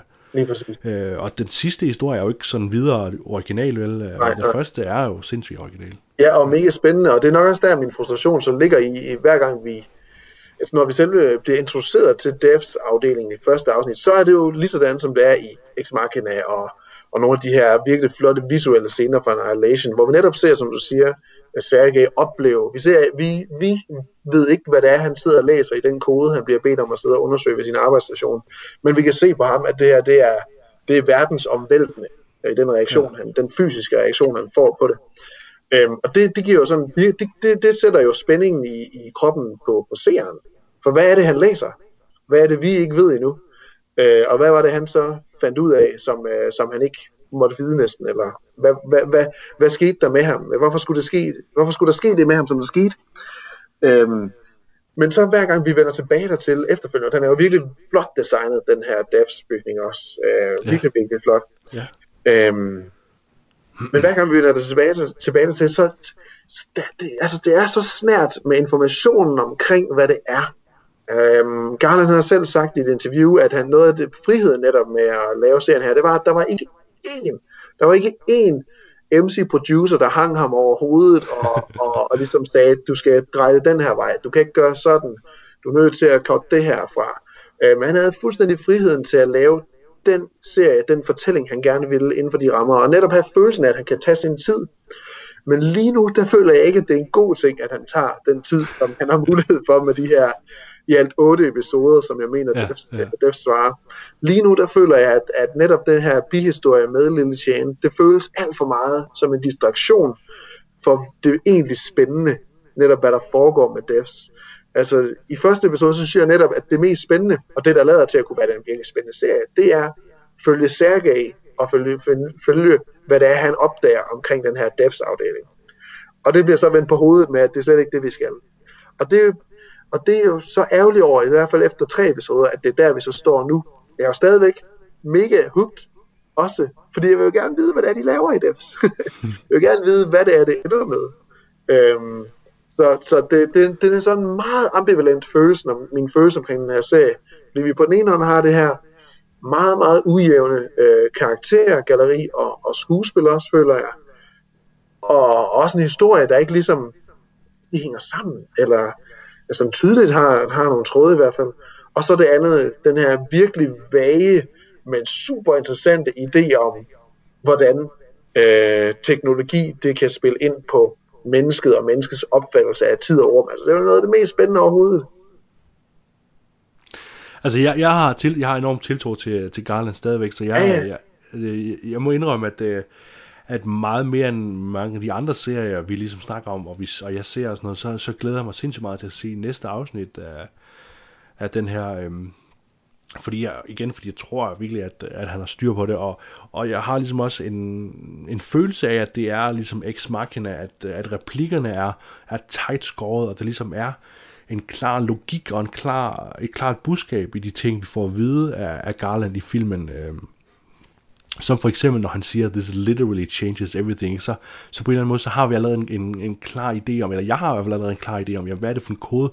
Jamen, det må jo nødvendigvis være en kode, der omfatter alt, ikke? Fordi hvis, han- hvis, han, hvis Garland vælger at sige, at replikken skal være literally changes everything, Ja. så mener figuren bogstaveligt talt, Ja. som i bogstaveligt talt, og ikke i rigtig meget, men i bogstaveligt talt, ikke? Øh, Ja og det samme er også, jeg synes også, at øh, især de her scener mellem de, de her forskellige developers, ikke? At, at, at Garland får ligesom snedet sådan nogle helt, øh, helt fine filosofiske pointer, lidt af det, vi også får i, øh, i Ex Machina, ikke? at de, den dialog er bare så præcis og elegant øh, formuleret, ikke? med, jamen her har vi ligesom en, der repræsenterer boomer-generationen, og her har vi en, der repræsenterer millennials, så det får vi lige et lille spil omkring, og, og kommer ud sådan på en, på en elegant måde, uden det bliver kluntet. Og det samme har vi også, jamen her har vi så en kvinde, og her har vi så de to mænd, ikke? og hvad er det så deres forhold til det er, og sådan noget. Vi får, vi får ligesom løftet bitte små øh, essays på, på meget få minutter, ja. og det synes, jeg, øh, det synes jeg bare er noget, der, som jeg savner lidt for Annihilation for eksempel, ikke? At, at, vi var, at, at jeg var helt med på, hvad der, er, der foregår, og hvad det er, vi ligesom er, er med, og der synes jeg bare, at jeg er glad for, at Devs føles mere som Ex Machina end som Annihilation, fordi. Ja. den er så skarp og så øh, klar i spyttet, og det kan selvfølgelig, det kan selvfølgelig være et problem, ikke? Jeg tænkte også meget over, at øh, jamen, det er derfor, at Ex Machina er så populær, og det er derfor, at The Dark Knight er så populær. Det er fordi, at figurerne i filmene, de jo bare fortæller, at de skærer det ligesom ud i pap, vi får fodret pointerne med ske, ikke? Vi får ja. Helt klargjort, hvad tingene handler om. Ja. Øhm, og jeg tænker også, igen hvis vi snakker om med Ex Machina, så han har jo også det religiøse med, ikke? Jeg så med det samme, jamen, de her, de her hvad hedder det, halos, hvad hedder sådan noget? øh, Ja, Gloria. Gloria, det, er, Ja, det, det var ligesom, ja, så Forrest, han er ligesom den her øh, gudefigur, og, og, og, og Lily er så den her Lilith, som, øh, som vi også optræder i Machina, den her, øh, den første kvinde, som ligesom frasagde sig Adam og gik imod Guds vilje og alt det der, ikke? Der, Ja. der, det religiøse er, er ligesom også lagt op allerede fra starten, så øh, ja. jeg forventer, at han har en helt klar og, og sådan helt skarpskåret idé med det, han laver af Ja. Garland. Ja. Jamen altså, jeg, jeg er helt enig, og så ikke alligevel i din, i din, i din idé om, øh, om, øh, om manuskriptet der, fordi jeg synes netop, det er altså, når Garland skal, skal skrive dialog mellem karakterer, når det handler om noget lidt mere oprøret, når det handler om noget teknologisk, når det handler om filosofisk, så, så, så er det så knivskarpt, men det er også på en måde, så det er, at lægmand kan forstå det. Og det er, ja, virkelig, det er det. virkelig, det er virkelig, virkelig lækkert at sidde og følge med i, og det er super, Yes øh, super interessant, og det er noget, der ligesom hugger og fanger og sætter krone i en, om, og gør, at man ligesom igen, når man slipper det serien, eller stopper med serien, tænker videre over nogle af de øh, idéer, som den præsenterer. Men jeg synes simpelthen, at når, og det er jo så fordi, at vi netop, han netop arbejder i et format, hvor han har så meget mere tid at spille med og lege med, at, at der skal også være dialoger, hvor det bare er to mennesker, der snakker sammen. Og når det bare er to mennesker, der snakker sammen, så, så sidder jeg nærmest og kommenterer også. Når det er, at vi har den her scene med Lily, der skal snakke med sin øh, ekskæreste, og hedder han Jamie, jeg kan ikke lige huske det, øh, men som skal, ja, jo det er det, det er Jamie, sådan, godt husket, øh, som også selvfølgelig er lidt af en øh, computerhej, øh, øh, som jeg siger i mangel af bedre øh, og mere rammende ord om en, der er god til computer. øh, den, den scene, hvor de skal sidde og snakke sammen, den, åh, den, åh, den virker så meget som en, øh, en carbon copy, eller sådan en, øh, noget, bare taget og skåret ud i pap, ikke, ikke skåret ud i pap, men bare noget, man kunne tage fra en hvilken som helst anden scene mellem, en, mellem et ekskærestepar. Øh, og det, åh, det, det er virkelig ikke særlig godt der, når det er, at jeg synes, når det er, at de her karakterer, de skal tale med hinanden bare som mennesker, og ikke omkring de her lidt mere ophøjede ting. Der, der, der, der pludselig så ser jeg noget helt andet, som jeg ikke er vant til at se fra Garland, og det, det er jeg ret overrasket over, at jeg er overrasket over at se, fordi det, det havde jeg alligevel ikke forventet, øhm, forventet fra ham. Øhm, og så, så oven i det, så synes jeg, noget af det også ligesom præger mig lidt, det er, at jeg indimellem synes, at den mangler lidt god smag, serien. Der er, der er, det er særligt episode 2, hvor jeg mener, det både er intro, men det er i hvert fald slutningen, hvor det, et nummer er nogen, der hedder Low, altså nummeret ja. hedder Congregation. Det er sådan yes. et ret spøjs elektronisk nummer, øh, og så Congregation, det er jo også en menighed, ikke? Ja. Øhm, og så, så bliver den ellers lagt henover i, i slutningen om, over en, en slow motion øh, brydekampscene mellem to karakterer. Og den er lidt spøjst akavet filmet, og, og musikken der til det, det, det giver sådan en virkelig, virkelig mærkelig akavet følelse i mig, når jeg sidder og ser det, som jeg ikke, det er sådan en, en akavet form for ophøjethed, synes jeg næsten, der prøver at blive lagt på det her.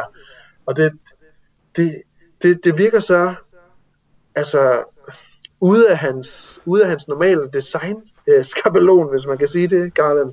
Og jeg, ja. og jeg er ikke særlig vild med det. Øhm, så der, der, der er virkelig mange ting med den her serie, der, sådan, der stikker mig på den forkerte måde, og det er, det er super, super, super, super irriteret over. Det, er, det, det er virkelig ikke regnet med. Øh, men, men igen, som jeg sagde før, så, så det, der holder mig ved ilden, det er jo netop, at jeg virkelig gerne bare vide, hvad det er, at Garland han vil komme frem til.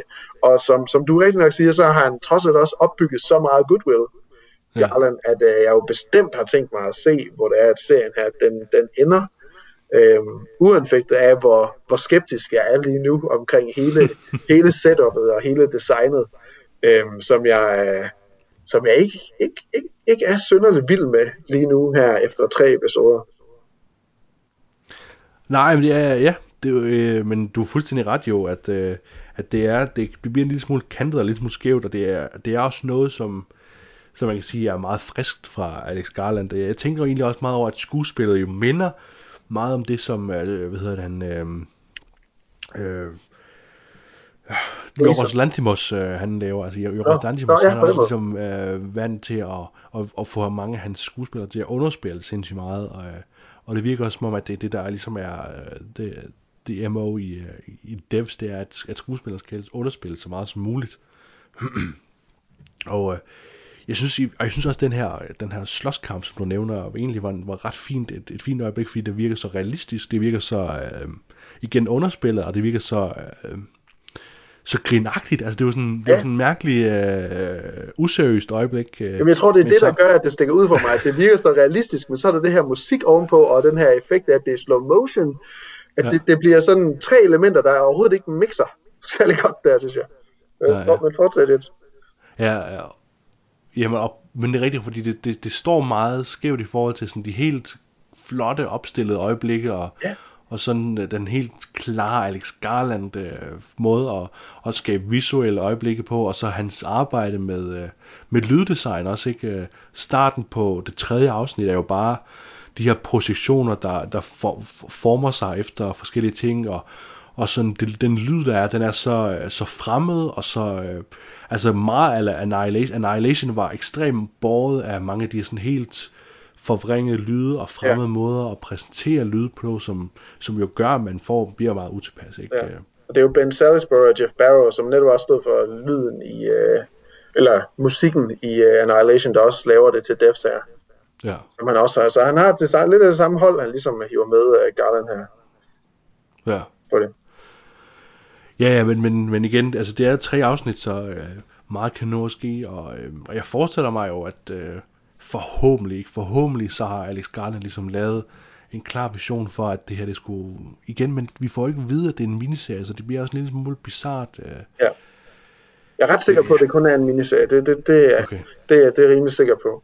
okay, Øhm, men jeg tror, når man lytter til det her, så vil man kunne høre, at vi mange gange siger, jeg er fuldstændig enig i, hvad du siger. Du skal lige høre, øh, nu, nu drejer jeg lige tilbage på, at det, Ja. det tror jeg, vi begge to har gjort to-tre gange. Så. ja, det har vi gjort, det er rigtigt, det er rigtigt. Det, det er en god måde at være uenig på. Det er ligesom sådan, I hear what you're saying, I completely agree, but But, det var, øh, det var Death, som kan ses på HBO Nordic øh, hver torsdag, mener jeg, der.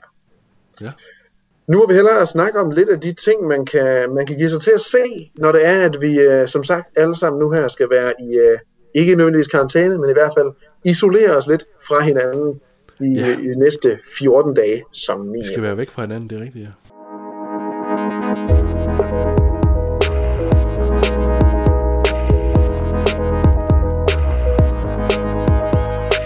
Havde du nogen særlig øh, tilgang til at lave den her liste af fem ting, øh, Jens? Var der noget særligt, du tænkte på?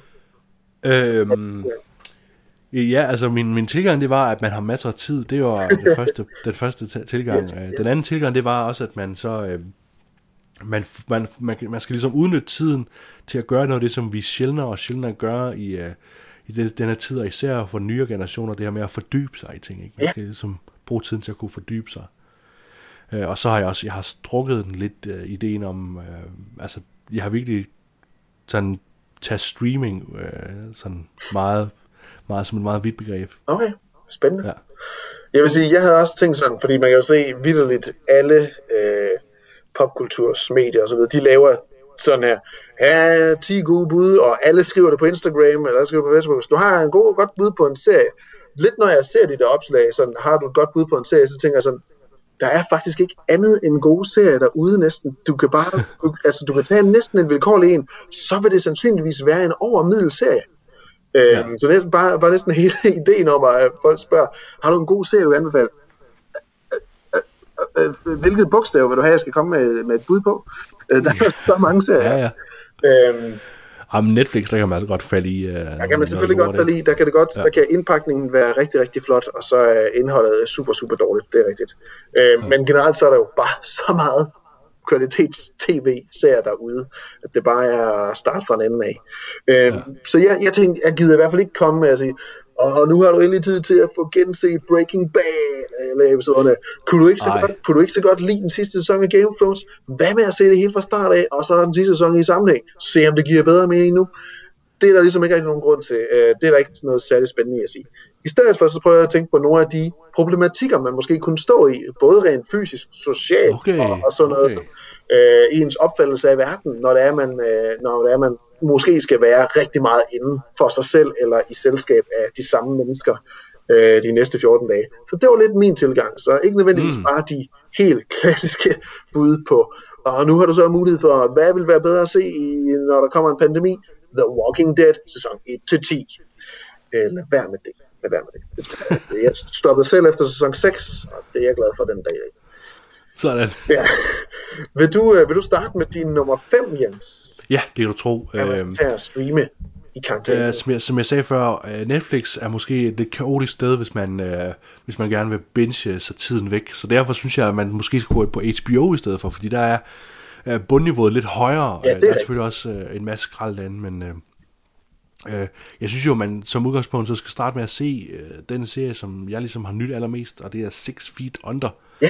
øh, som ligger på HBO. Alan Ball har lavet den her tv-serie, og den handler jo om en, øh, en familie der, og, deres forhold til døden, og, og har ligesom også den, den måske bedste serieafslutning, jeg, jeg nogensinde har oplevet. Ja. Øhm, jeg tænkte også meget over, at Six Feet Under jo, netop fordi det er sådan en familieserie, og har rigtig mange forskellige karakterer, øh, lidt ligesom Game of Thrones har det, og ligesom så mange andre, og ligesom, øh, øh, så mange andre serier har det, så synes jeg, at den her serie er god uanset hvilken øh, situation man er i.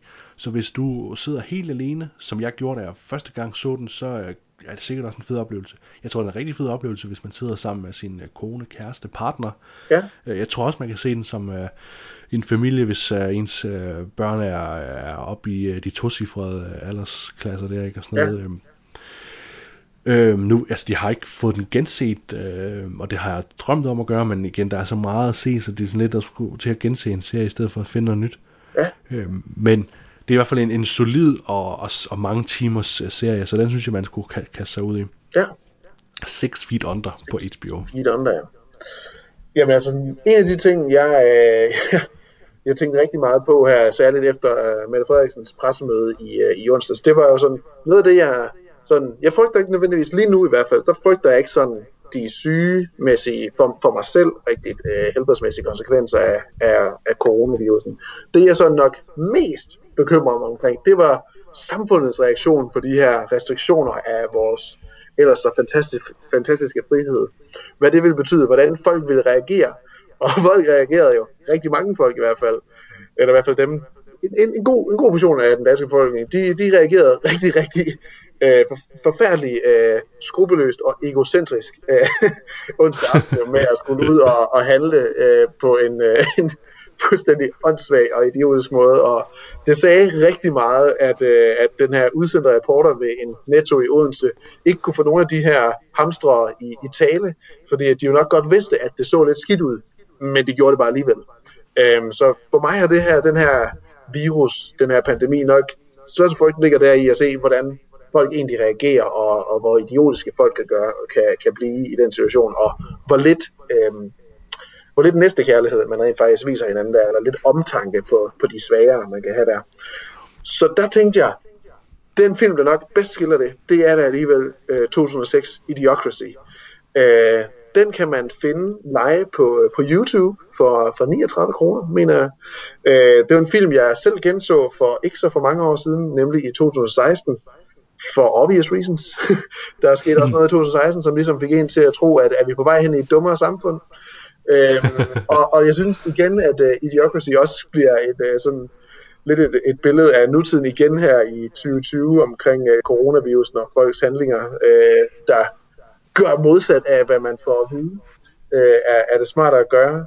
Uh, filmen den er lavet af Mike Judge, som også har lavet en, en række andre uh, uh, ikoniske komediefilm og serier.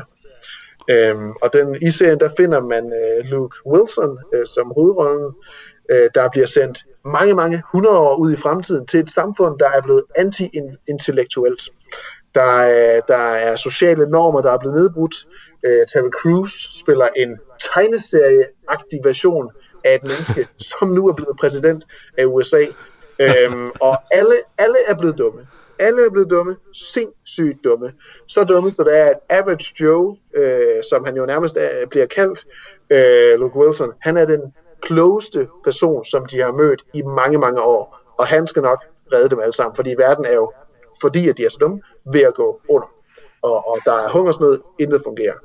Øh, og filmen den er bare så god til at, ligesom at kritisere de, nogle af de, hvad skal man sige, sociale konstruktioner, vi opstiller for os selv, og også hele ideen om, at, at, at vi som samfund måske bare generelt er ved at blive lidt dummere. Og det, det, det kommenterer den allerede på i sin introscene. Rigtig, rigtig fint, hvor den også tager lidt pis på sådan de, hvad der skal sige, at være intellektuelle mennesker, hvor de har en to cases af et rigtig intellektuelt par, høj IQ, der snakker om, at de gerne vil have børn, men det skal også lige passe med tidspunktet. Det skal ikke lige være nu, fordi at han står til en forfremmelse, og hun er lige ved at udgive en bog, kontra øh, Cliff over ved den anden side, der venter sit femte barn med naboen inde ved siden af, og øh, fortalte også, han troede, at hun var on the pill, og cut til fem år senere, det intellektuelle par har stadigvæk ikke fået børn, fordi lige nu ikke, ikke i det her aktiemarked, ikke i den her konjunktur, der, der, er det, der vil det være uforsvarligt at få et børn. Cut over til Cliff igen, han har nu fået fem børn yderligere, og, øh, og så videre, så videre, så videre, indtil da, at øh, Cliff, øh, han er ansvarlig for bør, op til 40 børn og børnebørn, mens det er, at det intellektuelle par aldrig har fået børn, og manden er død, og konen hun har fået frosset sin æg ned. Øh, så det er lidt sådan, det tager pis lidt på begge sider, men ligesom siger, okay, så det er netop den ikke-intellektuelle del, der ligesom kommer til at være den hoved, hovedmajoriteten, også til dem, der ligesom ender med at stemme, måske lige frem, ikke? Øhm, ja. Så Idiocracy, den synes jeg er et rigtig godt billede lidt af. Altså, den er også super fjollet, og den er også åndssvag på mange måder, Idiocracy. Men øh, den, den, er, den er dejlig let måde, den tager, øh, tager hvordan, det, hvordan samfundet det nogle gange bliver, eller kan nedbrydes. Øh, så den, den vil jeg anbefale, at man, øh, man tager, tager og ser, og ser, at så, så gralt er det trods alt alligevel ikke blevet endnu. Det, det er en film, der kunne have været meget større, hvis den nu havde haft den distribution fortjent. Jeg kan ikke helt huske, hvad der var, der skete. Den, den men der blev skete et eller andet. helt kortet fra, ja. Det eneste, der blev udsendt, ja. Der blev ikke udsendt nogle trailers, eller posters, eller screeners. Det eneste, der var, det var et par stills, og så, så blev den ellers fuldstændig, altså, altså studiet, den sløjfede den øh, komplet, og så ja, er den ellers blevet, øh, blevet lidt af en kult øh, film sidenhen der. Og man, man forstår det godt, fordi det er, det er en meget kantet film, ikke? Det er, Jo. så, som du siger, det er, den, Ja, den, er, øh, den er rimelig klar i spyttet, men også en sort satire. Øh, men samtidig, jeg synes, når man ser den i dag, så er der nogle virkelig øh, helt sådan kompromisløse øh, performances af især Dax Shepard, der ikke spiller sådan exceptionelt øh, dum. Øh, Han er virkelig god. Jamen, øh, Idiok, hvor kan man se Idiocracy henne, Man kan se Idiocracy på, øh, på YouTube eller Google Play? Yes. kan man Fremragende. og lege den. Øhm, så som min fjerde anbefaling, så vil jeg godt anbefale, at man øh, prøver, øh, ligesom jeg har gjort det, og, øh, at binge simpelthen øh, samtlige Saw-film, eller i hvert fald øh, et, Saw 1, 2, 3, 4, 5, 6, 7. Ja, Fordi, altså, fordi filmene måske i sig selv ikke er, er helt vildt gode, så har de bare gjort et kæmpe stykke arbejde ud af at, at skabe en eller anden meget sindssyg sammenhængende fortælling om, øh, om øh, den her figur John, øh, The Jigsaw Killer, og hans sådan, øh, disciple, der ligesom hele tiden sætter de her vanvittige øh, puslespil op omkring retfærdighed, og hvem der fortjener det ene og det andet. Øh, og når man ligesom, hvis man ser dem i en sammenhæng, så kan man også følge den her historie, som, som der egentlig er over de her syv film, øh, på trods af, at man de på en eller anden måde nok har fundet på det undervejs, ikke? så hænger det jo sådan så godt sammen, som det kan lade sig gøre, ikke? Øh, og hvis man som mig er en, en sokker for en god omgang torture porn, så, øh, så vil man ligesom øh, få et kick ud af at se øh, de her film sådan meget, til, meget sådan forskellige tilgang til, øh, til temaet. Ikke? Øh, Der er jo et højdepunkt i, i toren, og, øh, og i, øh, i den, der så blev kaldt for 3D, hvor der ligesom er nogle ret, ret store og flerpersons øh, torturscener. Øh. ja. Øh, der kom en 8. film også, som, som jo prøvede at hægte sig en lille smule på, men da de havde lavet Saw The Final Chapter, så var det ligesom om, at, at historien var færdiggjort. Det er også det, det Og så- indikerer lidt med den titel. Det, det var lige hurtigt, altså. Det, det giver Ja. mening. The Final Chapter. Der kommer også noget der. Ja, ja vi havde flere penge tilbage. Ja, præcis. øh, ja. Og det er jo også, det er jo, man kan sige, det kunne være, at, øh, at Spiral med øh, Chris Rock og Samuel, Johnson, eller Samuel Jackson, de, der ligesom, de, de, de refererer de gamle film også, ikke? Så det kan være, at det er en god optakt til at se den film, Ja. når den engang kommer. Traileren til Spiral ser jo faktisk ikke engang så uhyggelig ud. Altså, jeg nåede, da jeg så den, så tænkte jeg sådan, okay, altså jeg måtte jo stoppe 20 minutter inde i Saw, så snart, øh, den her dukke, så snart den her dukke kommer frem. Der, der, der, der, der, der var jeg nødt til at hoppe fra for et, øh, for et par år siden. Ej, det vil være fire år siden, jeg, jeg prøvede at se den engang. Ja. Øh, men jeg synes, traileren til Spiral, den, den From the Book of Saw, som jo er øh, undertitlen, der, øh, Ja. der, der, synes jeg ikke, der så det ikke så voldsomt. Der lignede det mere bare sådan en, en thriller i, øh, i stil med Seven, eksempelvis. Ja, ja, det er rigtigt. Det, det, det er noget helt andet end, øh, end de der sådan B-films uh, torturporno, øh, der ellers har været. Præcis. Min øh, anbefaling nummer 4, det er en, der taler til, øh, til dit nostalgiske gen øh, inde i dig selv. Øhm, og også hvis det er, at du, øh, som jeg, har et barn, der øh, godt kunne bruge noget underholdning. Og det kan være i alle aldersklasser nemlig. Fordi at på Netflix, under børneafdelingen, der ligger der altså 52 episoder af den klassiske Pokémon Indigo League. Og øh, jeg tror allerede, jeg har snakket om det i starten af episoden her. Men Noga, hun er blevet mega, mega hooked på Pokémon. Øh, hun har fået en Pikachu-bamse, og, og noget som det her, den her lille dille, eller den her nostalgiske trip down memory, øh, Pallet Town Lane, øh, kan lede til, det er jo også, at man finder frem til sine gamle Pokémon-kort. Eller som jeg har gjort, jeg har desværre øh, givet min Pokémon-kort ud, og først bagefter tænkt, jeg ved om der var nogle penge i det der gyldne Charizard-kort. Det Ja, var der måske. det er der. Det var der måske. Okay, Det jamen det er... Så så får min, øh, øh, hvad hedder det, min næse bare ikke nogen konfirmationsgave. Det er fint. Ja, Så er det bare cuttet den der. Det er super fint. ja, ja. ja. Øhm, men, øh, men det kan jo så også lede til en til, at man genfinder sine gamle... Man kunne købe de her gamle Pokeballs øh, tilbage i, i ja, hvad var det, starten af 0'erne her, ikke? Øhm, hvor der inde i dem her var de her bitte små plastikfigurer, der måske var en, øh, en 4, 3-4 cm høje, eller hvis det var en Bulbasaur, 1,5 cm høj. Øhm, og det har jeg jo fundet. Jeg har 49 taljer lige i går, og Nora, hun er Hold vild med dem. dem. Altså, vi sidder og leger med dem, og vi har dem med, alle sammen med i bad. Slowking, Gengar, Mewtwo, Zapdos, jeg skal komme efter dig, dem alle sammen. Og det lyder ligesom rappen, det der. Nemlig. Ja, ja, lige præcis. Som vi jo også, vi ser jo rappen og sangen hver dag. Nora, hun er ved at kunne uh, Team Rockets, uh, Team Rockets intro. Vi siger Team Rocket, og så siger hun, vi trykker den af, og bare pas på, overgiver nu, og så siger hun, vi er bare for rå, og det er super cute, når en uh, toårig siger det. Det kan jeg lige sige med det samme. Ja, det Øh, må og du lige prøve at, at snappe til mig på et tidspunkt. det skal jeg nok prøve, og hun vil også rigtig gerne synge uh, introsangen til Pokémon. øhm, så lige nu der, der er, så at sige, vold ser vi, øh, og vold tager alt, hvad der har med Pokémon at gøre lige i øjeblikket. Og det kan du også gøre derhjemme. Øhm, fordi hvis den nu ikke nødvendigvis har, har børn, så, øh, så, så er det altså også bare lidt fedt at sidde og se de her gamle episoder, fordi der er altså noget af det, det er ikke, det er ikke super børnevenligt alt i det her. Øhm, øh, som med meget af det, man genser, når man er blevet voksen, så, øh, så har de altså nogle elementer i sig, som man ikke rigtig lød mærke til, øh, da man var barn. Øh, hvad, hvad det også kan gøre, det at gense Indigo League her, det er desværre kun de første 52 episoder, så vidt jeg lige kunne se, så er der langt flere episoder af, af første sæson, som det jo bare er, af, af, af Pokémon. Så er det kun de første 52 episoder. Det går lige op til omkring, at de, øh, de får Togepi udklækket, tror jeg vist nok. Ah, øh, den her lille ægge-Pokémon. Øhm, så kan det også lede til, at man får lyst, det har jeg i hvert fald fået, jeg har dog ikke tid til at gøre det, men fået lyst til at genspille nogle af de gamle Pokémon Gameboy-spil.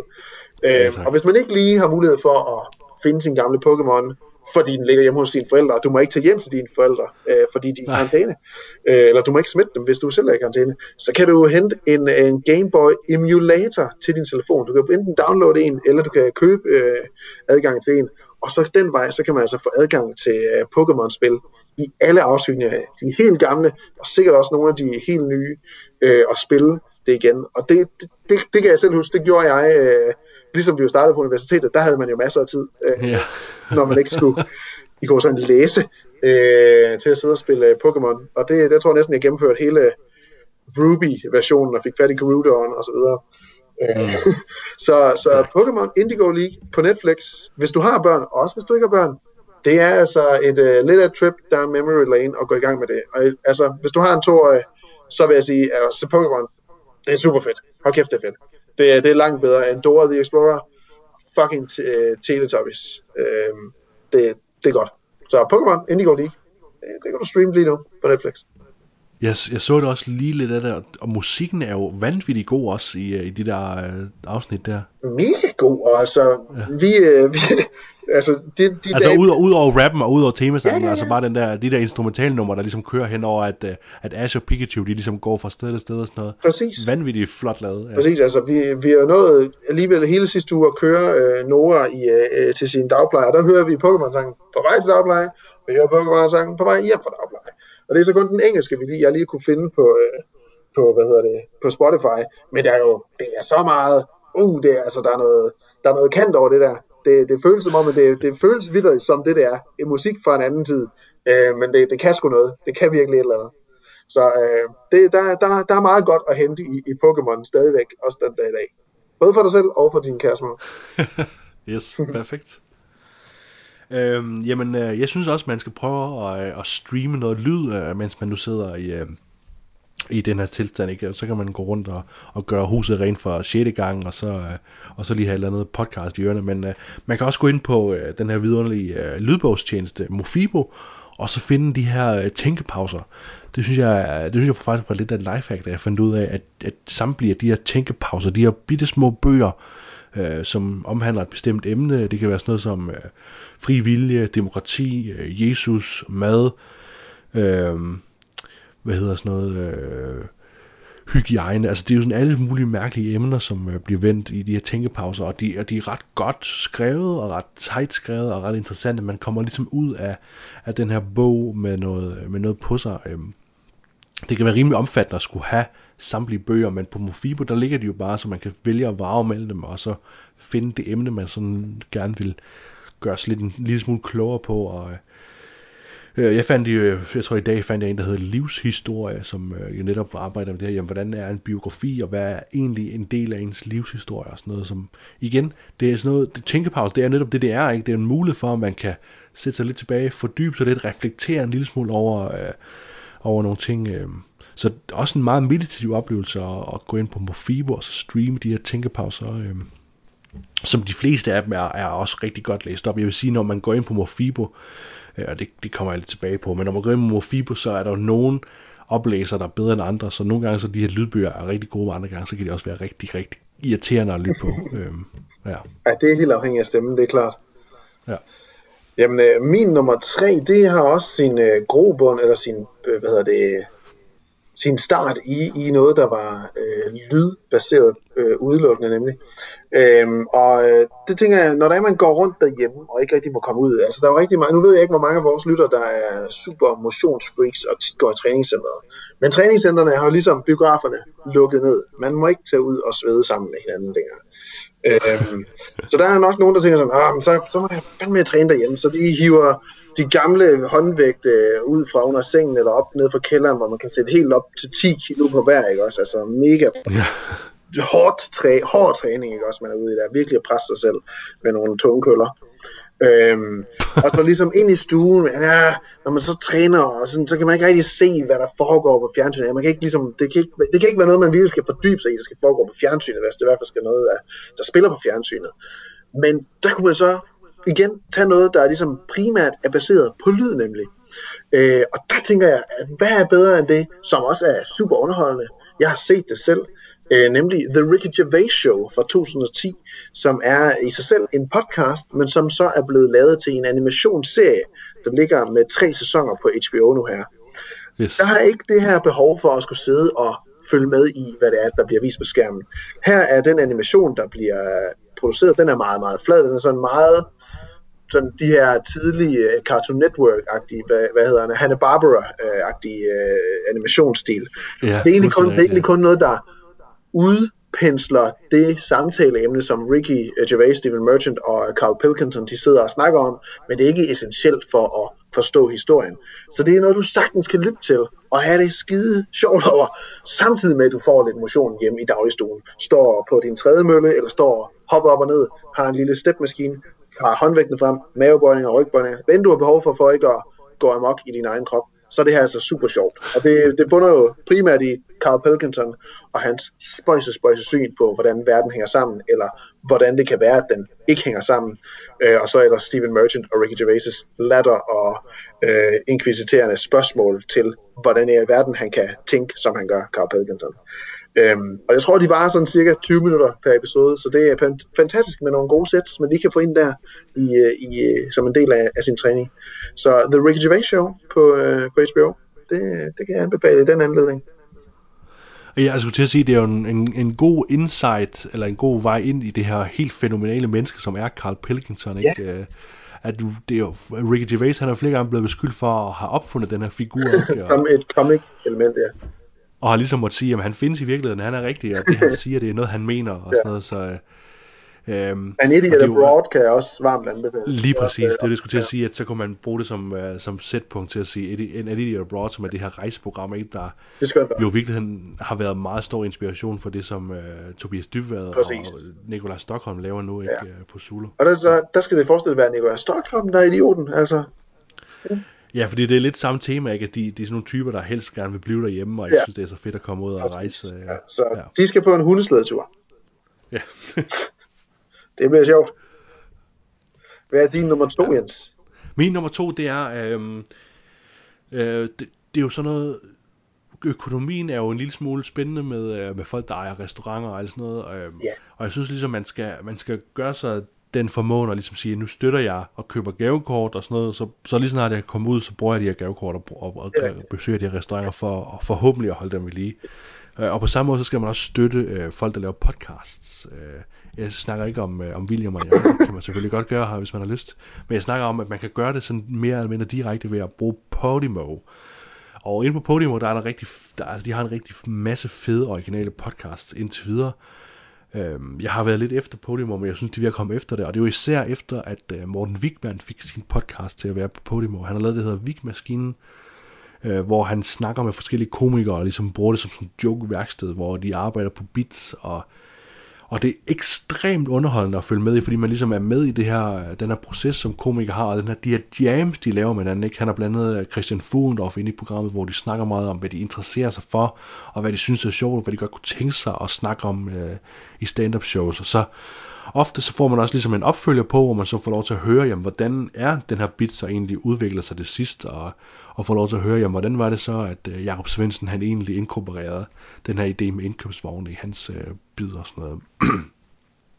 Derudover så er der også øh, en, en vidunderlig podcast med, øh, med Jan Gindberg og Carsten Eskelund, øh, hvor hvor det viser sig, at det er sådan, det, altså jeg altid synes, det var rigtig underholdende at få et indblik i de her menneskers sådan måde at være sammen på, Øh, og der oplever man så også, at øh, Jan Gilberg virkelig synes, at Carsten Eskelund er rigtig, rigtig sjov, og der, der er ligesom opstået en anden dynamik, hvor man normalt ville synes, at Jan Gindberg, han er den mest kendte af de to, ikke? Men der er der så et andet, et andet dynamik mellem de to. Og de snakker meget om passion, men i virkeligheden så er det jo bare Carsten Eskelund, der hele tiden sidder og spiller op til Jan Gindberg, fordi Jan Gindberg bare griner hele tiden. Øh, meget eller i virkeligheden Ricky Gervais show, hvor Ricky Gervais han også fuldstændig griner og flækker sammen når som helst.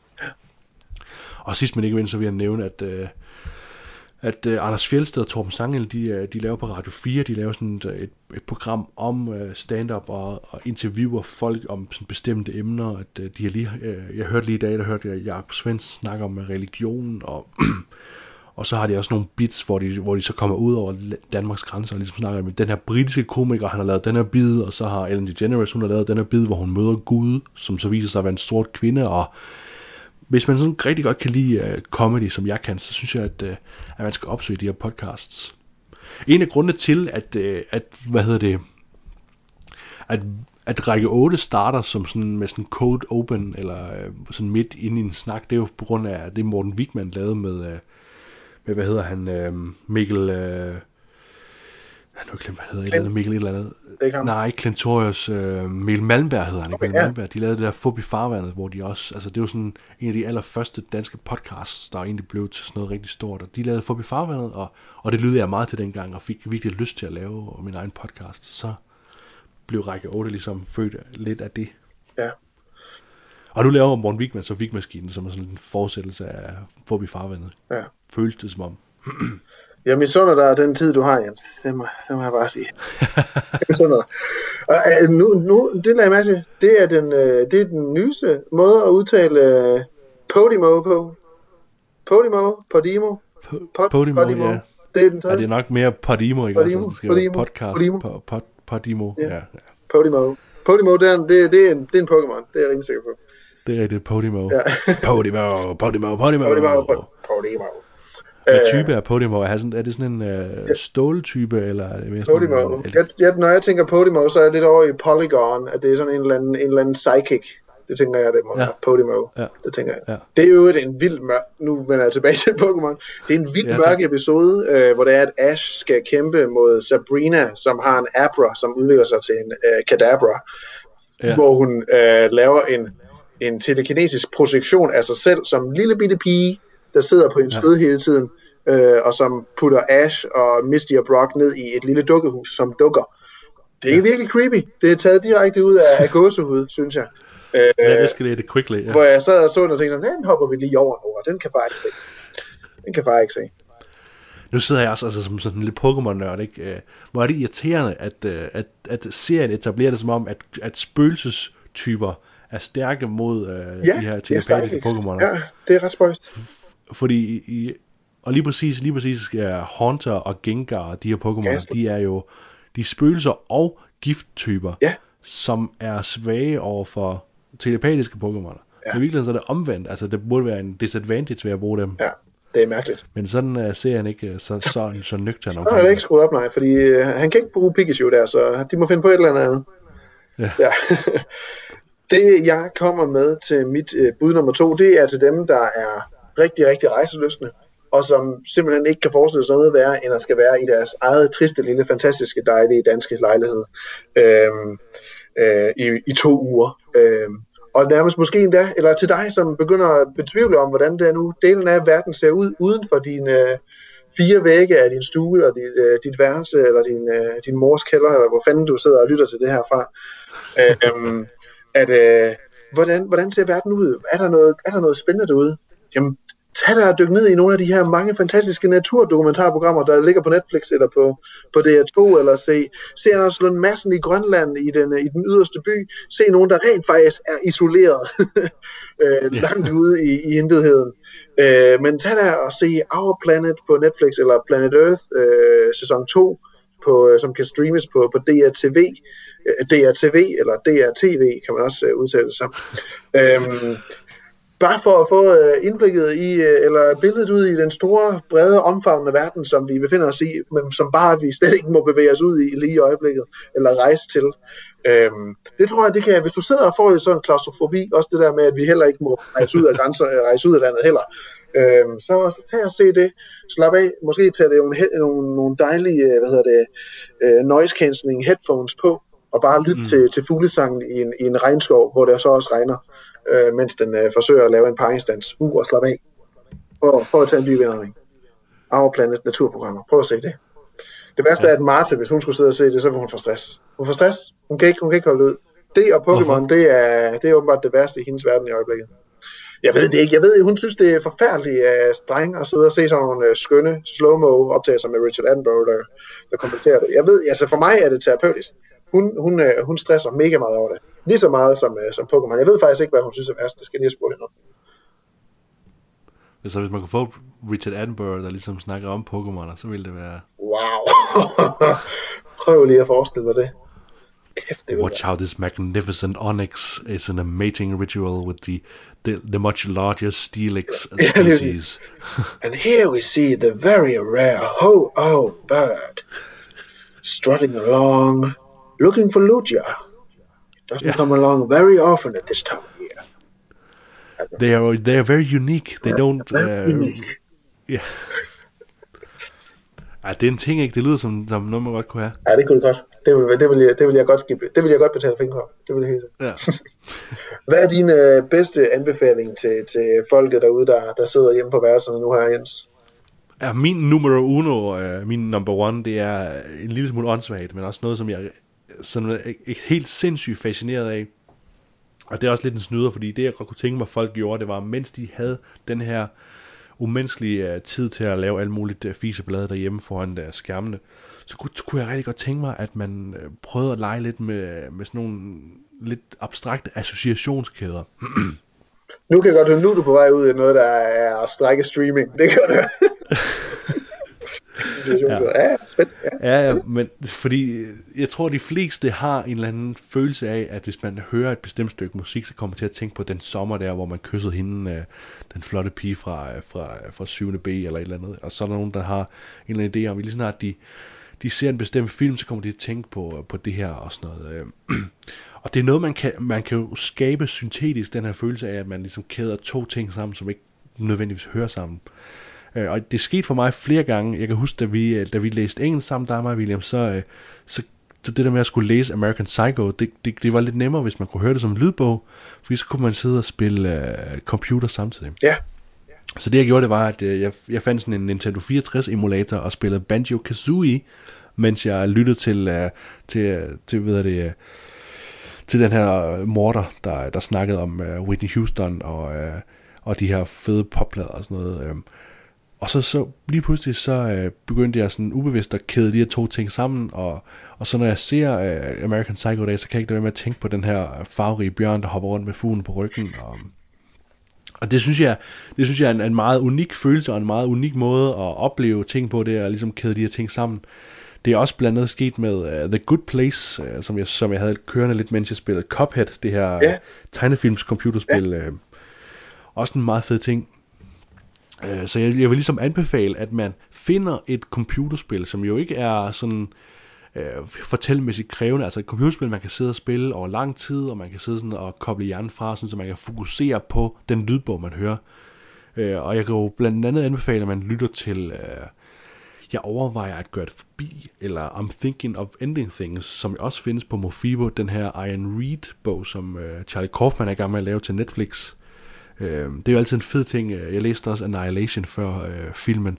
Jeg synes, det er, en, det er også en fed oplevelse ligesom at, at læse nogle af de her bøger, før de bliver filmatiseret, så man kan sådan skabe en sammenligning og, og få en bedre fornemmelse af, hvad det er, der er sket, og hvad der er, der forandret. Også fordi især Charlie Kaufman jo er vant til at lave rigtig meget om på kildematerialer, så det er meget interessant at vide præcis, hvor meget han har gjort det. Vi får virkelig opbygget noget hype på vores lytterskare omkring den her film. Jeg tror, det er tredje episode nu, vi lige får name-droppet. Ja, hvor vi får nævnt den, ja. ja, ja. vi glæder os. Og vi glæder os meget ja. til den, ja. Og så kan, man, så kan jeg så anbefale, at, at lige nu, der har Steam, de har øh, hvad hedder det, et, øh, et tilbud på det her spil, der hedder Earth Defense Force, som er sådan et meget hjerneløst spil, hvor man skal dræbe en masse store insekter, og det er sådan set bare det. Uh, man kan også vælge at spille Binding of Isaac, et spil, jeg har spillet ekstremt meget, brugt flere hundrede timer på det spil, fordi det er sådan et spil, man bare kan blive ved med at gentage. Og så er der sådan nogle andre spil som Dungeon Defenders, Orcs Must Die, og så de her Warriors-serie, altså den her Dynasty Warriors-serie, som blandt andet er lavet som en, øh, en uh, Legend of Zelda-version, men også som en One Piece-version og en Gundam-version. Sådan nogle hack-and-slash-spil, hvor man bare skal hakke sig igennem en masse. Ja.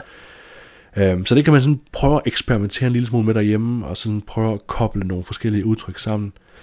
Uh, hvis man synes, den her, jeg overvejer at gøre det forbi, hvis man synes, det måske er lidt smule tungt, så kan man også bare høre, uh, jeg ved, Jacob Rising har også uh, indtalt uh, Hitchhiker's Guide to the Galaxy, ja. uh, øh, på Mofibo, det er sådan måske den mere lette og den mere oplagte. Det er jo sådan i hvert fald en, en bog eller en fortælling, alle burde øh, opleve, fordi den er så enormt morsom og, og let og, og interessant, hvis man nu interesserer sig for sci-fi. Ja. Så ligesom prøv, prøv at lege med det der, det har jeg, det har jeg prøvet og gjort en masse gange, øh, også med musik, hvor jeg sådan bare har hørt det samme stykke musik igen og igen og igen, og så stået på Roskilde Festival og lige pludselig tænkt på at, øh, at dræbe folk ja, mens jeg hørte musik. Selvfølgelig. Ja. Lækker, lækker følelse. Lækker følelse. Ja. Klar, så sådan noget med at træne hovedet, øh, så det er, at man ikke føler, at man sådan bliver sindssyg i karantæne, indtil man faktisk måske næsten kan se alle mulige systemer og sammenhænge, så man faktisk føler, at man er sindssyg. Ja, er det at sige sådan? det, det. Man skal simpelthen, det, det anbefaler, at man læner sig ind i, uh, i sindssygen, ikke? At man skaber sådan en trance i det. Embrace Ja. ja. Jamen, det passer, det passer fuldstændig perfekt i, øh, i der, hvor jeg vil hen med min, øh, min øh, sidste anbefaling. Det, jeg vil anbefale mest, at man skal bruge sin tid på. Fordi i 2017, der var der øh, en serie, der, øh, der, der kom der, og den øh, bare fejede benene væk fuldstændig under, hvad det er, man kan gøre med øh, tv-serieformatet. Øh, serier, de, som vi startede ud med at sige det her med, jamen der er så mange gode serier, og der er jo virkelig bare virkelig mange serier, der gør øh, at, at sige, jamen det er der de bedste historier, de bliver fortalt i, i dagens sådan medie, medieverden. Øh, altså fiktionsmæssigt i hvert fald. Øh, og der, øh, der kom, altså, hvis du ikke fik den set dengang, og, eller du bare synes det var for mærkeligt, eller du kunne ikke lide originalen, eller whatever, så Twin Peaks The Return, det er nu. Nu har du to uger til at dykke ned i de her 18 episoder, der kom øh, hen i, i sommeren og sluttede i september i 2017. Det var øh, 18 episoder, det er, jo, det er jo en serie, den her øh, 25 år senere efterfølger til den originale Twin Peaks øh, serie af David Lynch og Mark Frost, som, øh, som jo blev ophævet i godsøjen. Det var i hvert fald mange, der gerne ville gøre den til og sige, at det var en 18 timer lang film, fordi det kunne ikke passe, at, at det her det kunne være en tv-serie så godt, som det var. I hvert fald, øh, Ja. eller så kunstnerisk det kunne være. Ikke? Og jeg tror også, der var et, et fransk magasin, der i starten af det nye år kårede Twin Peaks The Return som 10'ernes bedste film lige frem. Øh, og så har vi vist noget topmålet af, af, af franskhed. Øh, Ja. øhm, For men Twin Peaks The Return, den er, den er idiosyncratic og, og, og særegen og speciel på sin helt egen måde. Øh, som noget, du måske nok aldrig har set før i, øh, i, i en serie. Øh, den tager udgangspunkt selvfølgelig i, i historien, den oprindelige historie fra Twin Peaks, så det vil være en fordel lige at catch up på det, øh, eller lige se en, øh, en YouTube øh, recap af de sidste episoder, for lige at være helt up to date med, hvor man sidst så Agent Dale Cooper, spillet af Carl McLachlan øh, i serien. McCluck. McLachlan, det er et fantastisk navn. efternavn at udtale. Øhm, den er enormt flot, Twin Peaks The Return. Den er super, øh, den er helt sin egen i måden, den øh, opbygger de her, hvad skal man sige, Øh, øh, Black Lodge, den her sorte hytte, som er lidt en portal til andre verdener, virker det til at være. De verdener, som der så bliver skildret af, det er, de, er, de har en helt, altså, en helt særlig æstetik til sig, øh, og design til sig, der, som er både skræmmende og som noget, man har lyst til at udforske, men som på en og samme tid er noget, man også rigtig gerne bare hurtigt vil væk fra igen. Øhm, det bygger sådan de første, hvad skal man sige, den første halvdel op mod sådan et crescendo af en episode i episode 8, der er, altså det, det, jeg tror aldrig, jeg har været så limet til, til, til min tv-skærm som, som episode 8 i Twin Peaks The Return. Fordi det der, man bliver udsat for der, det er et, et angreb af, af øjne og ører, øh, og det er lige før man kan smage, hvad der er, der foregår. Øh, eller det er lige før det kommer ud i hovedet på dig, så du kan smage på det næsten også. Øh, hvor David Lynch og Mark Frost nærmest sådan fortæller om skabelsen af ondskab i, i vores verden som, som led i atomprøvesprængninger over i USA, øhm, og som så bliver kreation af den ondskab, som, som øh, karaktererne i, i, i Twin Peaks de forsøger at bekæmpe i serien. Øhm, fantastisk episode. Det, der så fulgte fulgt efter, den oplevelse, der fulgte fulgt efter der, det var nok en følelse af mættethed, fordi man er så altså blevet bagover af den her episode 8, og mættet af det indtryk, man får, af de mange indtryk, man får derfra, og der er så mange, der er et væld af spørgsmål, der bringer sig selv på banen efter den episode også. Og øh, et øh, helt øh, gennemgående, der er, hvad var det lige, jeg så? Øh, hvad Ja. betød det? Øh, og hvad er meningen med alt det her? Øh, men det er godt alligevel. Det er forfærdeligt. Øh, der, der blev jeg ramt af en forfærdelig frustration over de efterfølgende episoder. For det er også en serie, hvor det går super duper langsomt. Og det er ikke en serie, der giver dig svar på næsten noget som helst. Så den er vanvittigt frustrerende også. Men alligevel så formår den igen at bygge sig op til et helt fantastisk klimaks i de sidste tre episoder, hvor jeg igen næsten lige så klinet, som jeg var til episode 8, er til den næstsidste episode, hvor øh, Cooper er vendt tilbage, han er kommet tilbage ud i, i verden, og forsøger nu at omgøre de begivenheder, der leder til selve den første originale series øh, handling. Øhm, og der bliver han fanget, så at sige, i et tidsagtigt loop, og nu vil jeg ikke røbe alt for meget, fordi det er, det er en oplevelse at sidde og se Twin Peaks The Return, øh, især hvis man virkelig lader sig overtage af serien. Øhm, og de, de ting, som Cooper han øh, oplever, og som han oplever sammen med ham ude i, i en skov, mens han prøver at omgøre de her begivenheder, de er så, de er så ængstlige og, og, og, og begivenhedssmittede på en eller anden måde, at man sidder, sidder fastlignet på at afs, afsondre hver en krog i, i, i, øh, i fjernsynets hjørner for at se, er der noget der, der kommer nu? Øhm, det er super spændende, hvad det er, at Frost og Lynch de gør med fortællingen om ondskab og godhed, hvad der er uundgåeligt determinisme på en eller anden måde også, bliver også faktisk spil her i serien. Så hvis du ikke er, hvis du aldrig fik set Twin Peaks The Return, eller hvis du bare synes, det var så mærkeligt, men hvis du spørger, om, du, om, der, om jeg kan anbefale en god serie, som du ikke har set endnu, så vil svaret nok være på Twin Peaks The Return. Prøv at, prøv at bruge 18 timer. Det, har, det kan du godt klare på to dage. to dage, hvor du alligevel ikke skal andet, end at være indenfor. det er rigtigt. Tag og se Twin Peaks The Return, og blive fuldstændig blæst bagover. Eller, som du også blev, øh, som, som jeg også blev undervejs, vanvittigt frustreret. Det, der er ikke en serie, der har fået mig så højt op i, i på en og samme tid, fået mig så højt op i en, uh, i en peak øh, følelse, og så langt ned i en, jeg har lyst til at ryge mit hår ud af hovedet, øh, over hvad der jeg ser, og hvad der ikke sker. Øhm, så det bliver min anbefaling her. Og så egentlig bare som en generel ting, husk, at øh, filmstriben, der kan du stadigvæk ind, gå ind og se fire, op til fire film gratis hver måned, øhm, hvis du bare har et login til din lokale øh, dit lokale bibliotek, så kan du altså se fire film derinde gratis. Der er et stort, stort udvalg af film. Så det vil jeg også lige hurtigt anbefale, at man kan gøre. Det er fuldstændig rigtigt. Det var tæt på at, at blive lagt ned, øh, så det er spændende, om, om det holder sig oven vandet. Ja, der er i hvert fald noget over i. København, hvor det er, at de ikke længere har mulighed for det. Så det er jo, det er jo synd. Det er, det er altså et hop for rigtig mange klassiske film øh, derinde, og øh, en tung, tung øh, kulturel oplevelse, man kan få gennem filmstriben. Det må jeg sige. Noget, man kan, noget af det gode ved, uh, ved Twin Peaks The Return, også at se det nu, det er jo, at, uh, at, at hvis man sidder og er frustreret over, hvad fanden det nu er, det skal betyde alt det der, så er der jo masser af mennesker, der har siddet og, og skrevet og lavet lange video-essays. Ja, og masser af gode øh, artikler, man kan dykke ned i bagefter også, ja. Ja, Jeg læste eksempelvis en efter jeg så finalen af Matt Solar Sides, der er skribent på uh, rogerebert.com, uh, skrev en fantastisk sådan, analyse af hans oplevelse af serien. Så den, den, gjorde, den, den gav mig en form for closure, var, Sådan. var rigtig dejlig. Og der kan man sige, er, det, er det godt, når en serie har behov for en, uh, en dybdegående artikel bagefter, for at man som seer kan, kan føle, at man er blevet afrundet? Det ved jeg ikke. Det, det, det gjorde alt for mig, i hvert fald vil jeg sige. Nu skal vi til noget ganske andet, nemlig til en uh, vi. ny Netflix-film med Wahlbergs and Bergs.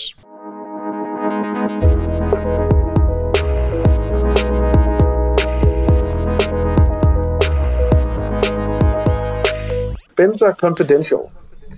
ja. Og det er den, det er jo ligesom, det er jo blevet sådan, at øh, det jeg prøver at sige, det er, det er blevet sådan, at, øh, at mange af de her øh, store skuespillere, de har ligesom fundet sig en, øh, en instruktør, de er glade for at arbejde sammen med, at øh, øh, Leonardo DiCaprio, han kan rigtig godt lide at arbejde sammen med Martin Scorsese, og hvad hedder det, øh, Tom Cruise kan rigtig godt lide at arbejde sammen med McQuarrie, og, og især Mark Wahlberg kan rigtig godt lide at arbejde sammen med Peter Berg, at, øh, at øh, der er ligesom kommet rigtig mange sådan semiseriøse øh, katastrofefilm ud af deres samarbejde. Ham kan, man, ham kan jeg godt lide at arbejde sammen med.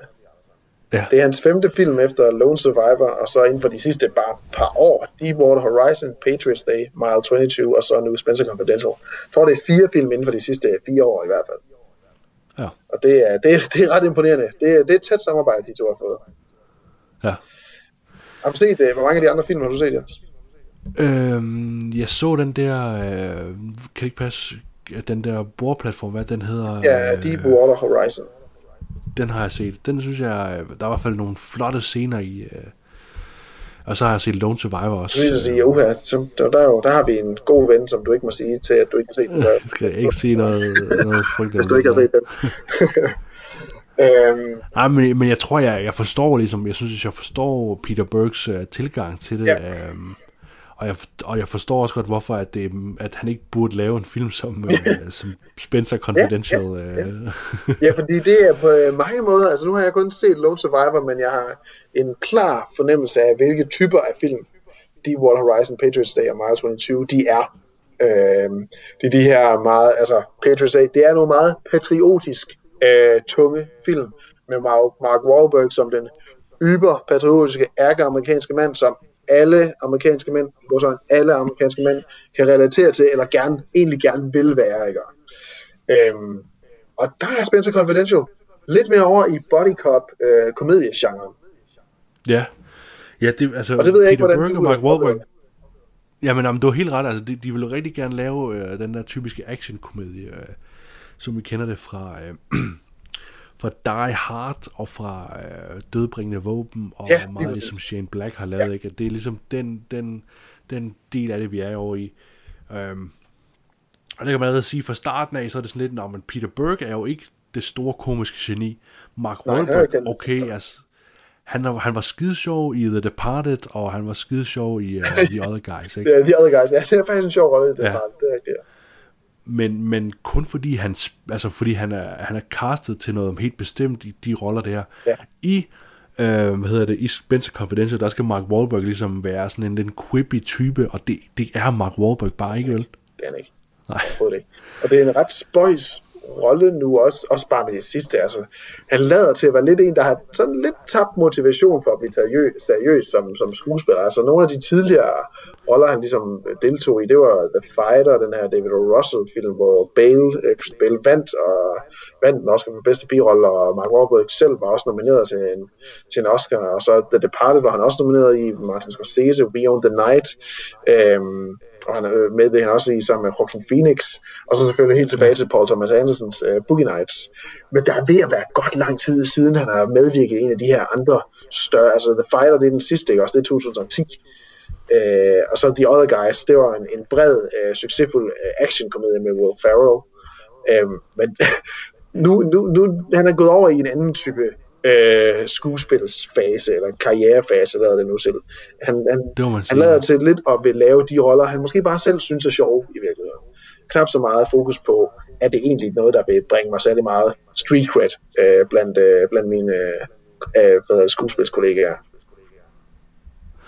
Ja, altså hvis man skulle sige noget om, hvad er hans, hans motivation med den her film, det er måske at, at, lave noget, altså han er jo en, en rigtig Boston-type, ikke? Han kan godt lide øh, at, at, at rappe sin, uh, sin hjemstavn med Boston, Massachusetts, ikke? det, han. Og det må man sige, Spencer Confidential gør meget for ligesom at, at promovere den by, ikke? Øh, Så det må nok Lige være noget af det, han øh, har gjort det for.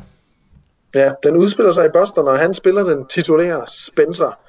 Øh, hvad der er confidential, det er ikke, det er ikke nødvendigvis lige til at blive øh, det hele. Der, der er meget, der lader til at være hemmeligt omkring den her film.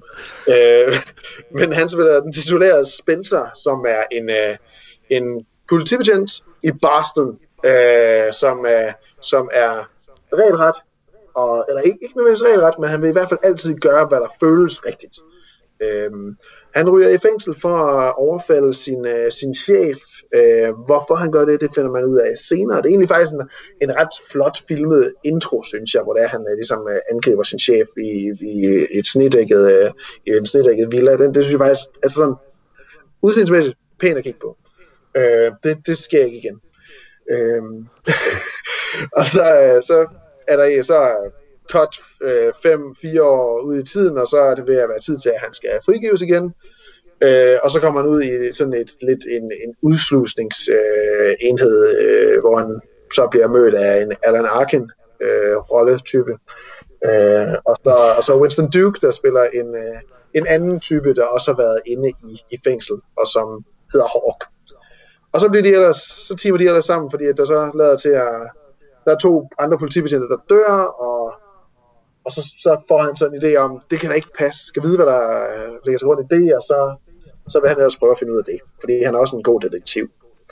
Øhm, og så, øh, så, så, så sker der en masse ting. Øhm, jeg, vil, jeg vil umiddelbart sige, at Spencer Confidential, øh, og det, jeg vil simpelthen lægge svisten på næsten lige med samme og sige, at den her film, den, der var så mange gange undervejs i den her film, hvor jeg bare helt tabt øh, snøvsen, hvad det var, der foregik.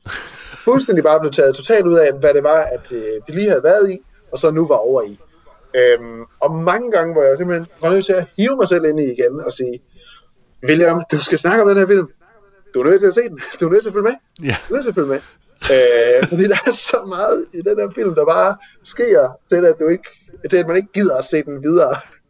Altså, hvis Det det, var, hvis det var, at vi ikke havde tænkt os at snakke om den her, så, øh, så, havde, jeg- så var jeg stoppet hurtigt. Det, det, det kan jeg lige godt sige med det samme. Øh, for det, det er en utrolig simpel film i virkeligheden. Den komplicerer sig selv bare hvert femte minut. Helt unødvendigt. Med alt for Ja. mange plottråde.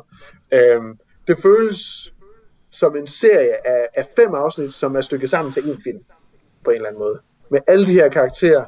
Alle de her mærkelige ordner, gangs, og jeg, jeg har skrevet det ned her i min letterbox anmeldelse, så skriver jeg, at øhm, det, at manuskriptet det er så komplekst. Det øh, involverer en irsk gangster i et uh, tracksuit, øh, en, en, uh, en machete-svingende uh, øh, gruppe uh, bandemedlemmer, en, uh, et syndikat med et sjovt navn, som gerne vil bygge en familievenlig temapark på en gammel vedløbsbane, uh, korrupte politibetjente.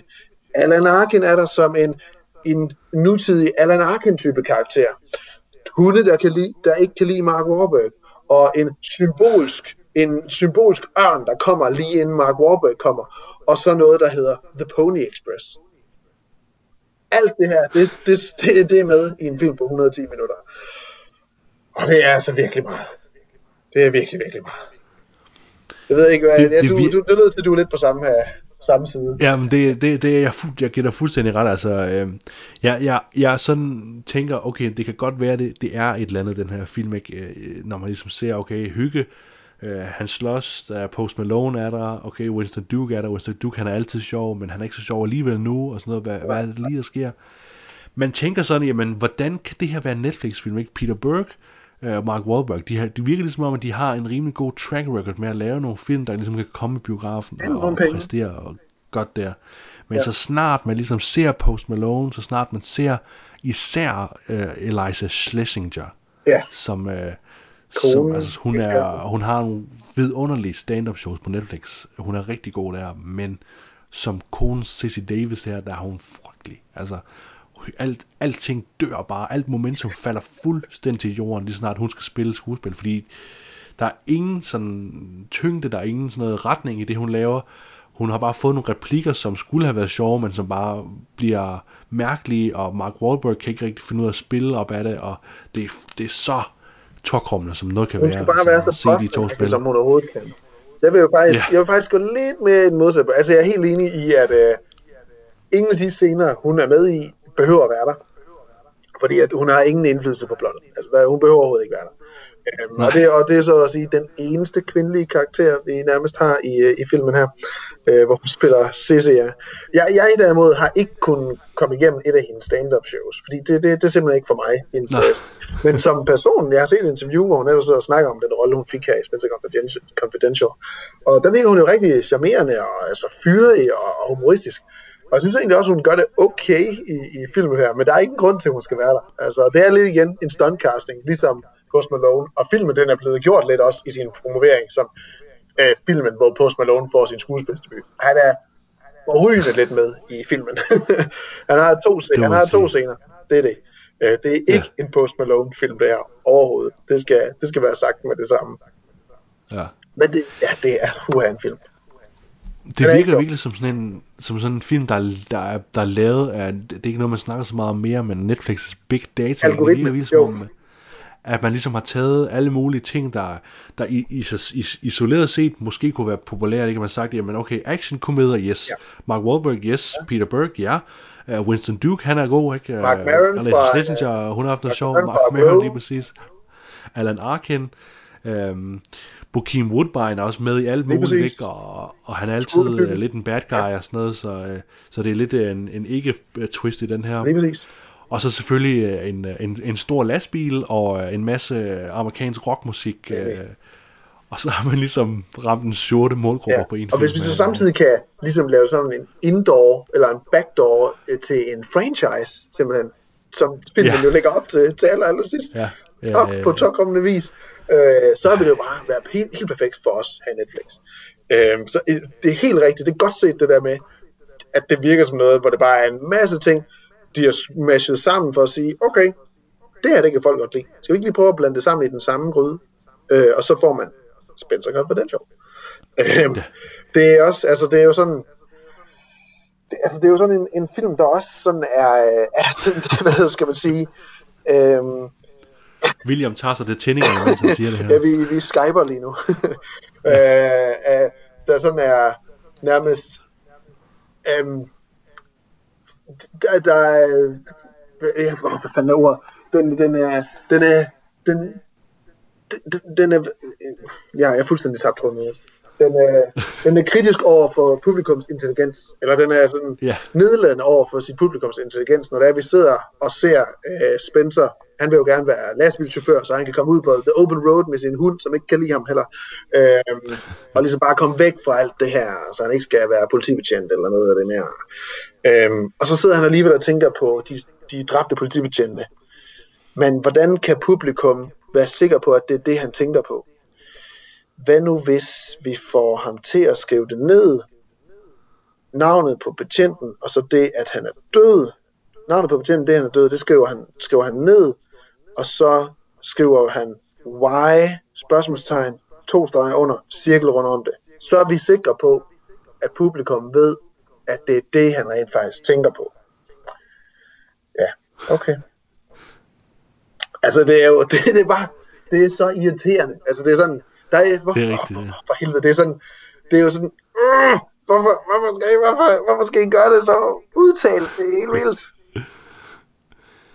Ja, og, og som du siger, det, det, det, at der er så mange unødvendige elementer i, at, øh, at de har jo siddet med den her Bowick Wonderland, som jeg tror, den er skrevet af en, der hedder Ace Atkins, og så de bare sagt, det her kan vi godt lige have med, og det kan vi godt lige få plads til også, og, og det her med tracksuit, det skal vi i hvert fald have med. Ikke? Ja, det er sjovt. Det er jo sjovt. og, og alt sådan noget. ja.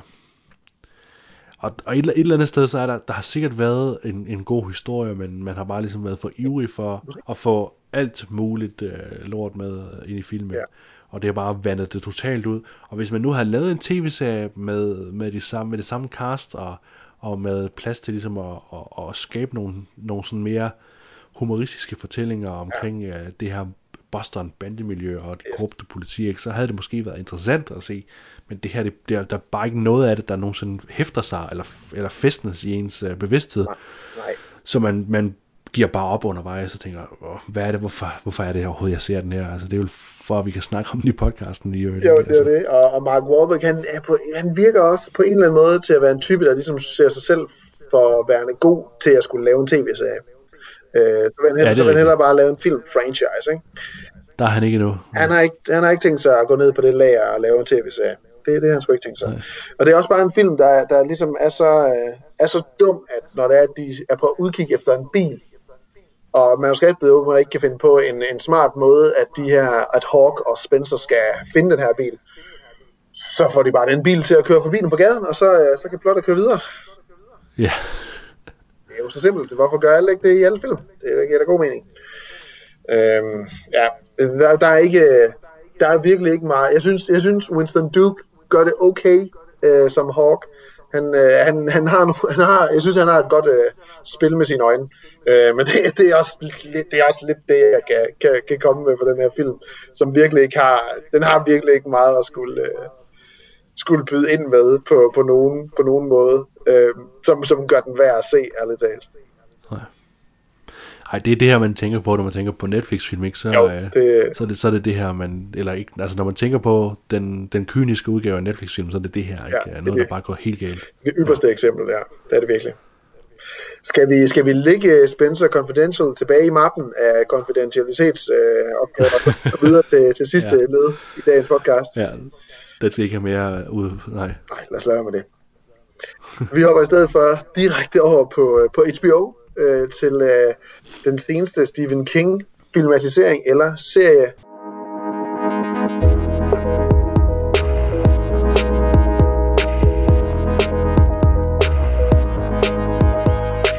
Nemlig øh, af hans bog The Outsider.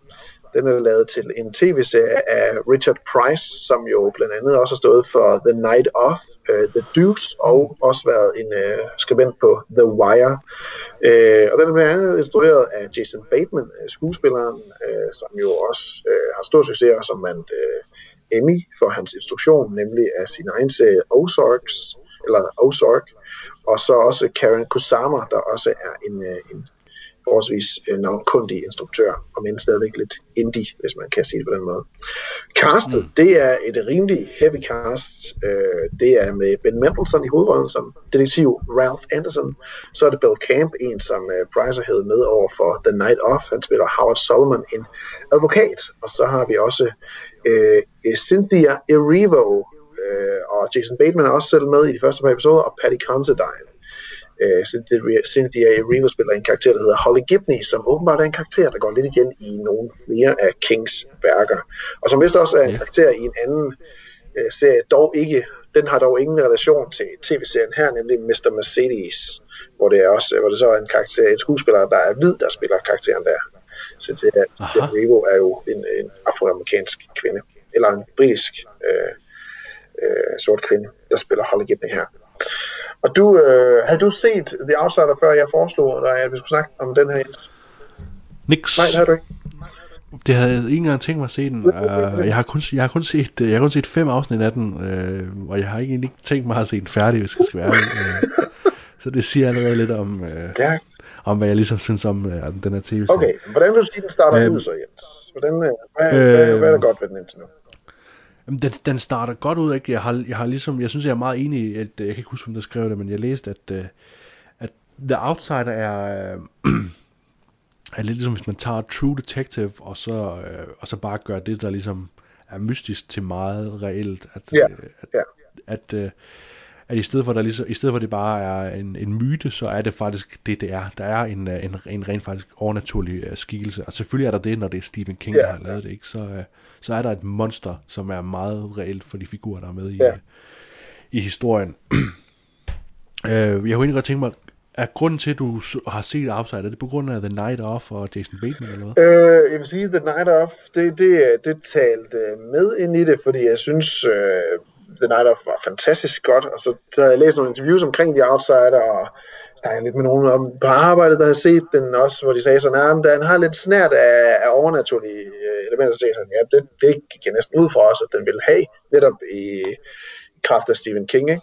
Ja, også hele præmissen omkring det. Præmissen til serien og i seriens historie er jo, at at Jason Bateman spiller en karakter, Terry, der bliver anklaget for at have begået et meget, meget brutalt mord af, et, øh, af et lille, en lille dreng. Øh, problemet er, at han slet ikke har gjort det. Det siger han i hvert fald selv. Øh, han har nemlig befundet sig et helt andet sted, langt, langt væk på samme tidspunkt. Men politiet har altså videooptagelser og DNA-beviser, der beviser, at han har begået det her mord. Men hvordan kan man være to steder på samme gang, øh, på samme tid? Det kan jo ikke lade sig gøre. Tada! Hvordan kan det lade sig gøre? Øh, overnaturlige ting, ja, det er derfor. Øh, og jeg synes egentlig, indgangen til serien er, rigtig spændende, og Jason Bateman han instruerer de to første episoder også. Og jeg synes også, det er de to første episoder, der er de klart bedste. Øhm, hvor det er, at man, hvor det hele stadigvæk er lidt vagt. Øhm, og der bliver ligesom kastet nogle teorier op, og der er noget mystisk omkring det, der er noget thriller-element, der er noget gys omkring det også. Men efter de to episoder, så bliver selve indgangshistorien rigtig meget lagt i baggrunden rigtig, og snart Holly Ghibli kommer ind, så kommer det til at handle om rigtig mange andre ting også. Øhm, og, og serien den daler drastisk i niveau, synes jeg, efter de første par episoder. Øhm, så har den lige lidt igen, hvor den, det er måske omkring episode 5 i virkeligheden, hvor den netop kommer nærmere ind på, hvad er det, det her monster, der bevæger sig rundt omkring. Hvad er det, det er? Er det bare den her savnomsbundne boogeyman fra alle gamle tiders historier, bare med forskellige navne, som nu bare er her? Øhm, og så, så igen, så falder det ned, og åh, der er også et eller andet vildt frustrerende i at have en hovedkarakter, som Ben Mendelsohn jo spiller. Han er seriens egentlige hovedkarakter, når det er, vi først kommer i gang med det, som tager ja. så lang tid om at overgive sig til, hvad det er, det handler om. Når vi som seere sidder og kan se, det er det her, det handler om. Det her, det er virkeligt. Tro nu lige for helvede på det, så vi ikke skal bruge al den tid på, at du skal overbevise om det. For det er virkelig, virkelig frustrerende, at man skal bruge så meget tid på, at han stadigvæk bare ikke tror på det. Øhm, det er en super, super øh, frustrerende øh, del af The Outsider. Det er den her karakter, øh, Ralph. Øh, ben Mendelsohn er, er, jo en, er jo en rigtig god karakterskuespiller, der er sådan meget mumlende og god til at holde følelserne inde på kroppen og være lidt kryptisk i det. Men det kommer til at give rigtig meget bagslag, øh, så snart vi kommer ud over de første par episoder her, og, og, og Terry-sagen bliver lagt lidt i baggrunden. Øhm, og det, det er super, super ærgerligt. Men det er også det, din, din oplevelse lyder det lidt til. Ja, altså jeg synes jo, jeg synes faktisk, at skuespillet hele vejen rundt er, er, er rigtig øh, fascinerende og rigtig gribende. Altså jeg kunne rigtig godt lide øh, at se de her, det her cast bare en anden, anden setting, en anden scenarie, hvor man kunne tage sig lidt bedre tid til nogle forskellige emner og udforske et eller andet. Ja. Øhm, fordi det, det bliver bare sådan lidt vagt og sådan lidt ligegyldigt, øh, fordi vi aldrig rigtig fordyber os i noget som helst, men det bliver bare sådan en, en anelse for overfladisk og for, for, altså sådan for ligegyldigt, når, når Stephen King er værst, ikke? Det bliver ja. meget sådan noget påtaget, øh, øh, at så er det spændende, og så bliver der lige refereret noget Shakespeare hurtigt, ja. og så væk med det, ikke? Og så, um, altså så, når vi får introduceret Holly, så synes jeg egentlig, at der sker noget spændende, også fordi det, som der er så fedt ved øh, Stephen King jo, det er, at, øh, at det virker som om, at han jeg arbejder inde i samme univers altid, øh, Ja. og man forestiller sig, at okay, der er noget shine over det, og hun, hun har ligesom en anden sensitivitet omkring ja, ja. det onde, og omkring øh, det mystiske og sådan noget. Så, så jo mere Stephen King man har set, jo mere Det er forstår man ligesom øh, fortællingerne, han har lavet.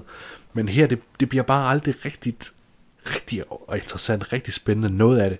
Det bliver bare sådan meget, nå okay, og så videre til noget andet, Ja. og så tilbage til Ralph, som stadigvæk ikke tror på det overnaturlige, og som du siger, at øh, altså, igen, vi sidder bare og venter på, at, øh, at han finder ud af det, som vi allerede ved på en eller anden måde. Ikke? Og det er så sindssygt frustrerende, Ja. at vi burde, vi burde være så færdige med tv-serier, eller fortællinger generelt, der fortalt publikum noget, som hovedkarakteren aldrig fandt ud af selv. hovedkarakteren ikke har accepteret. Jamen, jeg er helt, helt enig, og det har jeg også skrevet ned det her. Det virker til at være en tendens nu i mange af de her filmatiseringer og serier, øh, filmatisering af Stephen Kings værker, det er, at den præsenterer os for nogle rigtig spændende idéer, men det bliver super, super uforløst. Og vi kommer ikke, der kommer ikke rigtig nogen svar på det. Nogle gange kan det der med ikke at give svar også være en god ting. Det er også noget, vi har snakket om, at det er godt at blive øh, efterladt tilbage med, med spørgsmålene siddende hos sig. Men når serien ikke rigtig giver, når serien ikke rigtig, eller når historierne ikke rigtig bevæger sig over i nogle dele, der, der, der, der ligesom giver noget mere end bare, det her kunne være noget, men jeg vil ikke rigtig fortælle mere end det heller. Øhm, så det må I selv sidde og lege med, uden at det sådan bliver super, altså sådan rigtig gribe fat i det spændende. Øhm, det synes jeg både var i tilfældet, altså for mig, du kunne rigtig godt lide 1-2, men jeg synes, at Ja. det, det, var, det synes jeg var en kæmpe faldgruppe der, det var, at den ligesom havde den her kæmpe idé, øh, fantastiske idé omkring Pennywise, masse elementer med uh, the glowing lights og alt sådan noget, og hvor den kom fra, det, det, er noget, det, nej, det, det, det skal vi ikke dykke nærmere ned i, eller noget af den stil, og også problemet med Dr. Sleep der omkring med de her, og hvad hedder det, sjælesugere, som Rebecca Fergusons gruppe af karakterer det repræsenterer. Ja. Det er også problemet i lidt i sæson 1 af Castle Rock, som jo nok gør, som jeg så vidt nok husker, det er jo ikke en, en, en serie, der er skrevet af Stephen King, men det er jo en serie, der befinder sig i verden af Stephen King, og det er lidt det samme, der sker. Det var en ting. Masser af spænding, får slet ikke noget svar på det, og det føles super uforløst og, og, og dårligt i, i sidste ende også der. Og det er også sådan, jeg har det med, med The Outsider. Jeg synes, det er helt rigtigt, når Holly Gibney kommer ind, så er hun rigtig spændende lige til at starte med. Men det bliver også sådan en eller anden måde træet hurtigt derefter, fordi så, så er det ikke, så, så er hun pludselig bare meget mere normal igen indimellem. Ja, Hun, ja, hun er sådan specielt, når plottet har behov for, at hun skal komme med en eller anden spøjs kommentar. Men ellers så er det ikke, ellers så kan hun være helt vanlig, og ligesom alle andre mennesker, når plottet har behov for, at hun skal være det. Øhm, så den, den er ikke trofast mod, at hun er det, som det hendes in, introduktion i til at starte med. Og det er igen også bare vildt frustrerende, for det gør hende ikke særlig konsekvent som karakter heller. Og så er der også bare alt for mange karakterer, som der er behov for at skal være med i alle scener. Øh, her tænker jeg eksempelvis på Bill Camp og Jeremy Bobs karakter, øh, øh, Howard Solomon, advokaten til, øh, til Terry Maitland, øh, Jason Batemans karakteres kone, øh, advokaten til hende, spillet af Julian Nicholson. Øh, og så Jeremy Bobs, som er Alec Pelly, som er den her øh, PI, Private Investigator, som han, øh, han hyrer til at, til at undersøge det. Deres, deres del i historien, den er egentlig kun sådan rigtig relateret til Terry-sagen og mordet der, men de skal så fortsat hives med hele tiden, nok fordi det er lidt for, altså Bill Camp især, lidt for navnkundige skuespillere til, vi bare kan sige, det var bare det. I skal ikke være med mere åbenbart, så I er nødt til at være med hele tiden, men der er ikke rigtig nogen grund til, at I skal være med mere.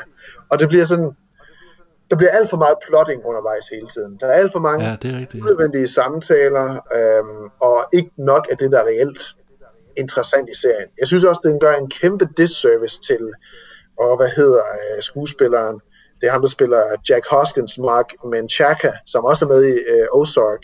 Øhm, jeg synes, han er en super spændende karakter til at starte med, men så snart, at han egentlig falder lidt under øh, hånden af den her mærkelige, overnaturlige ting, så, så er han jo ikke rigtig en karakter mere.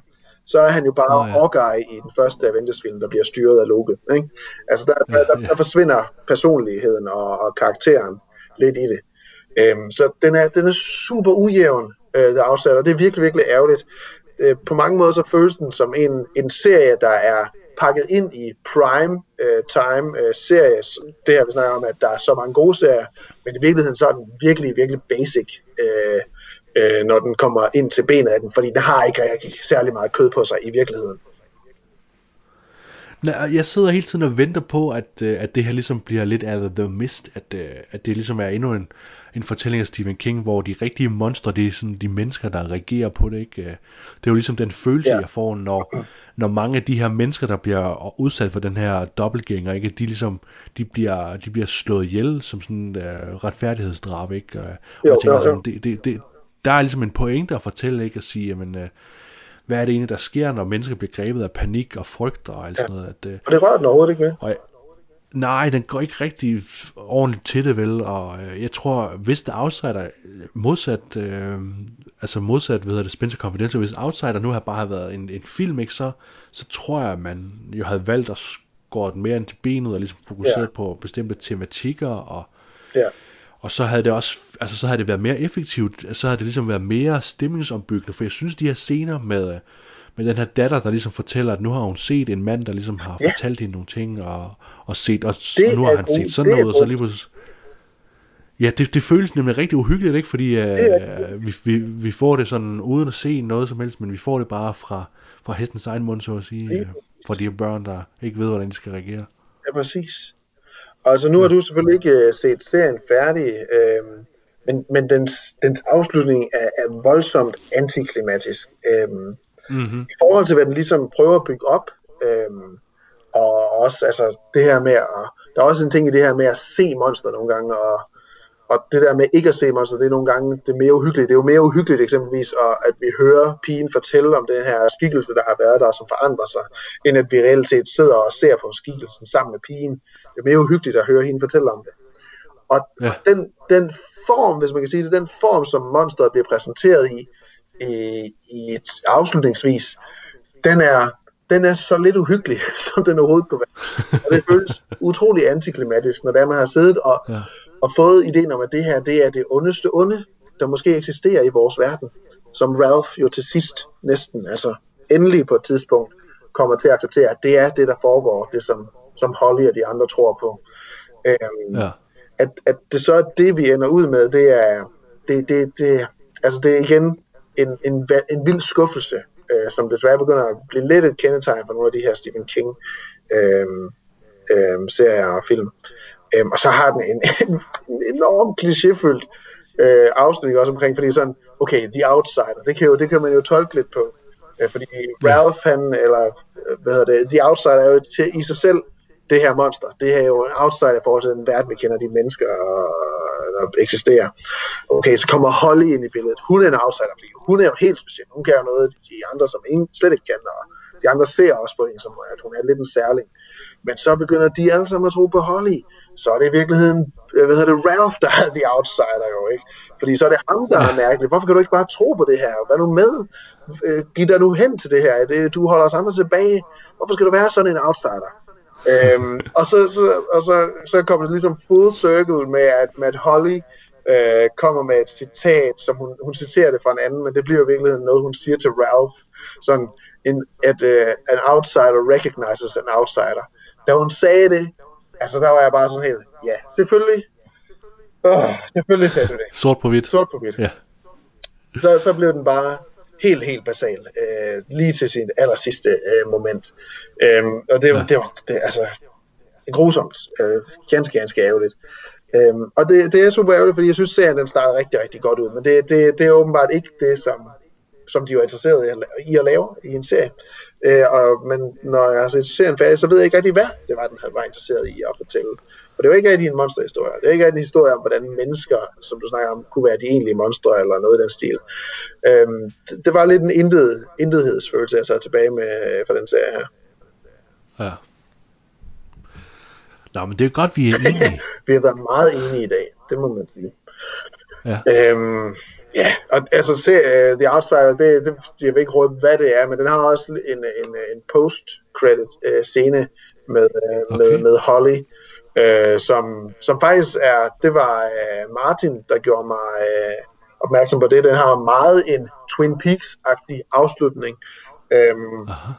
Øhm, øh, og det, det, det gjorde det lidt spændende, men samtidig også var, gav det overhovedet ikke mening, øhm, kan jeg lige godt sige. Og det lægger op til mere, men det skulle også være en miniserie det her. Men hvis det er som med Big Little Lies, så er der ikke noget på HBO Ja, heller, der hedder sige. øh, miniserie længere. Så, Nej, ikke øhm, rigtigt, nej. nej. Skal vi give nogle øh, karakterer til de her film, eller nogle, øh, nogle fangearme til de film og serier, vi Det ser skal vi i hvert fald. Til uh, Sonic the Hedgehog, der vil jeg gerne give den uh, 5 af 8.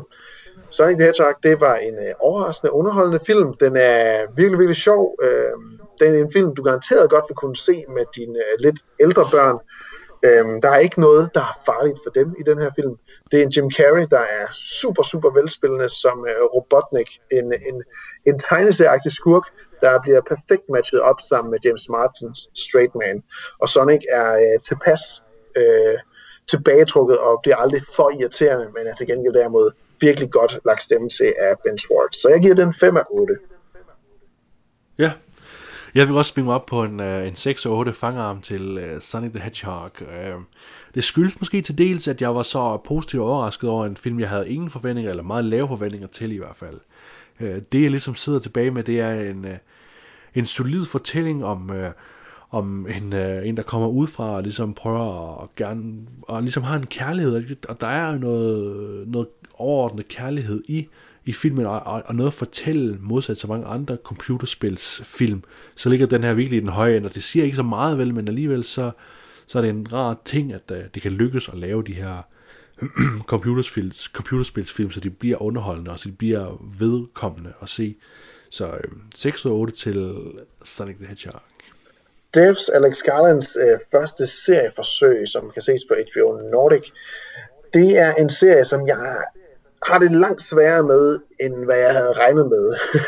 Min kærlighed til øh, Garlands tidligere produktioner, den, øh, den har nok sat der, den har måske sat mig for højt op til den her serie, som jeg nu efter tre episoder ikke rigtig ved, hvor jeg har henne. Skuespillet, det er jeg på ingen måde overbevist af, særligt ikke af Sonoya Mizunos hovedrolle Lily. Og som vi snakkede meget om, så virker serien meget delt op i to dele. Den klassiske, øh, dybsindige øh, Garland-historie omkring teknologi, og så en helt basic øh, fortælling om, om en kæreste, der forsøger at finde ud af, hvor hendes øh, kæreste er forsvundet hen, og et muligt morkomplot. Og det, det, lige nu spiller det ikke så godt sammen. Jeg er lidt on the fence med devs lige nu, og hvis jeg kigger væk fra Garland, tager ham ud af the equation, øh, ud af ligningen, så kan jeg, så er jeg nødt til at give øh, devs 5 af 8. Der vil jeg, altså, eller, eller nej, okay, nu, nu kommer jeg til at uh, backtrack alligevel. Hvis det var, at jeg tog Garland ud af ligningen, så vil jeg give den 4 af 8, fordi jeg synes, øh, der er ja, så meget, der ja. strider i forskellige retninger, og som ikke øh, som går imod hinanden. Øhm, men hvis jeg tager Garland med, så har han jo alligevel så meget grobund og så meget tiltro til, at, øh, at det nok skal lykkes, og, og også en tro på, at det kan blive rigtig godt der. Så lige nu, der giver jeg så Devs 5 af 8 fangearme. Men det er langt mindre, end hvad jeg havde håbet. Jeg synes, de tre afsnit, øh, jeg har set af Devs, de stikker alle de rigtige steder, øh, så at sige. Og øh, jeg har ligesom den helt klare, og helt, klare, helt samme fornemmelse, jeg havde med X Machina, da jeg så den. Så jeg har egentlig på nuværende tidspunkt så høje forventninger til rest, den resterende sæson af Devs, at jeg kun kan blive skuffet. Så den forventning, jeg ligesom har, den følelse, jeg har, er, at det der potentiale, der ligger i devs lige nu, med, øh, med at kunne projektere sig frem til øh, alle mulige vilde øh, forudantagelser, og, og hele konceptet om menneskets frie vilje og sådan noget, bliver ligesom vendt i den her tv-serie. Det gør, at jeg er nødt til simpelthen at, at prise den, og i hvert fald den mulighed, den har for at fortælle noget helt enestående. Så derfor giver jeg den 6 ud af, af 8, og det er kun fordi, at der er nogle ting, der, der ikke helt øh, stemmer over med det, det kunne være i forhold til øh, Ex Machina, Annihilation og Dread. Det er altid lidt svært at give serier øh, sådan karakterer sådan undervejs, når der man ligesom mangler hele tiden indtryk, fordi det, så det er både lidt sådan, ja. det, nu, det nuværende billede, men også lidt sådan forhåbning om, at det kan blive bedre, eller det kan gå i den og den retning, og sådan. Det, det, det er sådan lidt, lidt, øh, lidt øh, flusy, sådan den del der. Men i hvert fald, ja. Det er rigtigt. Spencer Confidential, uha. Hvad er det, der skal, der er, hvad er det, der skal holdes hemmeligt og skjules uh, confidentielt i den uh, film her? Ja, ja, der er mange ting, som den her film forsøger at bringe på banen. Uh, så mange ting, som det egentlig burde være noget ganske andet, end, end hvad det er. Der er ikke rigtig noget af det, der fungerer. Uh, og ja, det eneste, der måske i virkeligheden burde være skjult og hemmeligt omkring den her film, det er i virkeligheden filmen selv. Uh, det er ikke en, du behøver at bruge din, din tid på i karantæne. Jeg giver Spencer Confidential uh, 2 af 8. Uh,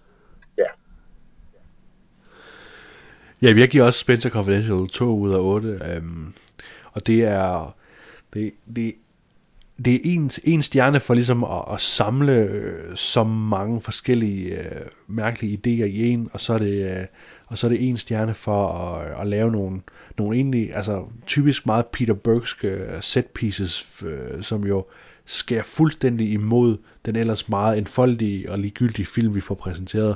Lige pludselig så er der en, en, en bogstaveligt talt en lastbil, der brager igennem scenen, og man tænker, åh, gudskelov, øh, givet, man, givet du kunne fortsætte med at gøre det. Hvis, hvis jeg bare kunne se en, øh, en halv time, halvanden time lang version af en lastbil, der bare brager gennem ting, så ville det være mere underholdende, end det jeg sidder og ser lige nu. Ja. Øh, fordi Peter Berg, han kan finde ud af at lave de her Roland Emmerich og, øh, hvad hedder han, øh, de her store, eksplosive action set pieces. Øh, men det er ikke det, han forsøger at gøre her, der man gerne lave action-komedie, og det kan Peter Berg ikke finde ud af, og det kan Mark Wahlberg heller ikke finde ud af. Så to ud af otte fanger ham til den.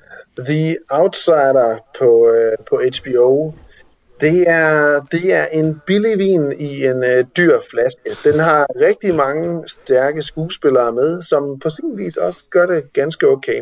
Men historien den tillader simpelthen bare ikke, at de kan udfolde sig ordentligt. Eller også så holder det, ja, eller, og dermed holder den mange af de her skuespillere også tilbage, og deres karakterer tilbage. Øhm, serien starter stærkt ud øh, med to flotte instruerede øh, episoder af Jason Bateman. Og serien generelt er også forholdsvis pæn at, at se på. Den har så meget et, hvad skal man sige, et, øh, et, et gråligt, brunligt, øh, gyldent skær over sig, og det, det, det klæder historien på sin vis. Men, men den er bare alt for uforløst, øhm, og, og vi kommer ikke rigtig nogen vejen ved seriens afslutning.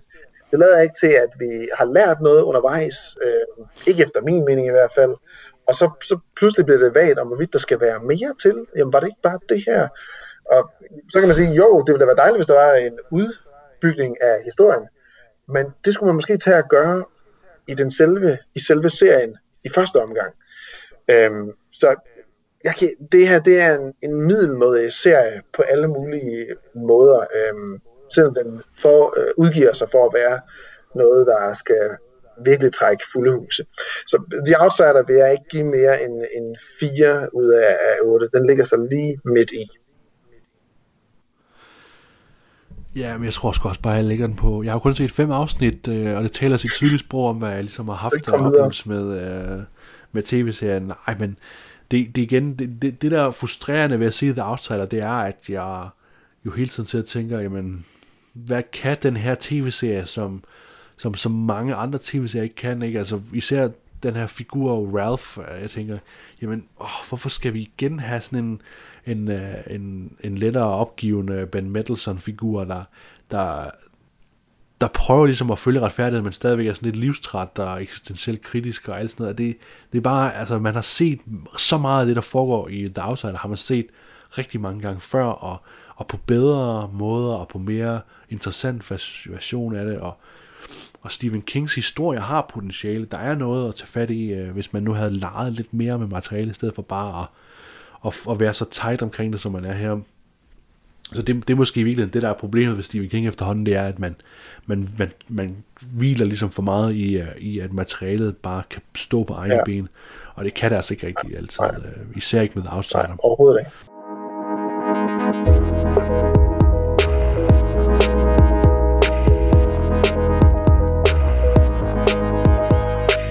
Det var, øh, det var fire forskellige ting, plus en, øh, en masse anbefalinger. Er der noget, du glæder dig til at se, Jens, i den tid her? Ja, men jeg glæder mig til at se, uh, til at se Westworld, og så glæder jeg mig også til, uh, jeg ved ikke om uh, den her I Know This Much Is True, uh, om den kommer snart. Uh, jeg har i hvert fald læst om Derek Sheehan Francis uh, serie med Mark Nå, Ruffalo ja, i, uh, ja. i, i den der tvillingerolle. Den kommer vist også på HBO, mener jeg. Jeg er også på den ja. HBO-serie. Jeg glæder mig også til Westworld, også øh, Ozark, der også snart vender tilbage her i, øh, jeg tror det er næste weekend, det kommer, øh, sæson 3 må det så være. Jeg er spændt på at se, hvor det er, at øh, serien den kører hen der nu. Jeg var ikke helt så hugt på sæson 2, som jeg var på sæson 1, men øh, jeg håber lidt, den kan vende tilbage i, i samme rille fra sæson 1 af. Uh, og så er der ellers bare en masse, masse film, serier, ting, der er værd at se nu her. Øh, som man kan lægge ind på sin liste og sin kø diverse forskellige steder. Finde nogle streamingfilm ja. på filmstrip osv.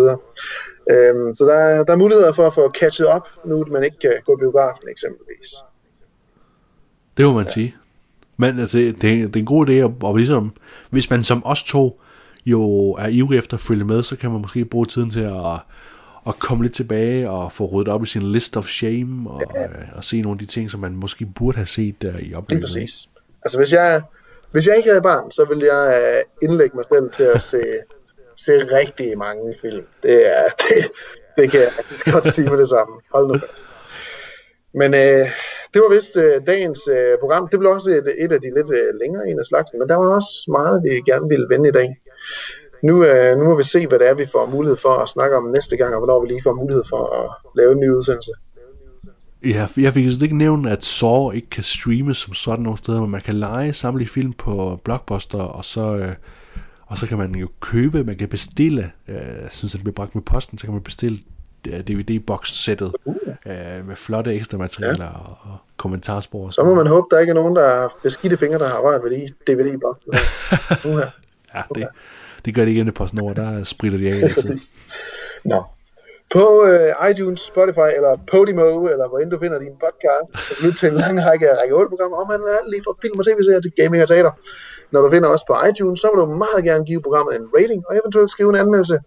Og dermed hjælpe os med at finde nye lyttere og komme ud til et bredere publikum. Mit navn det er William Binder Jensen. Og jeg er Jens Dreben. Nyd jeres karantæne.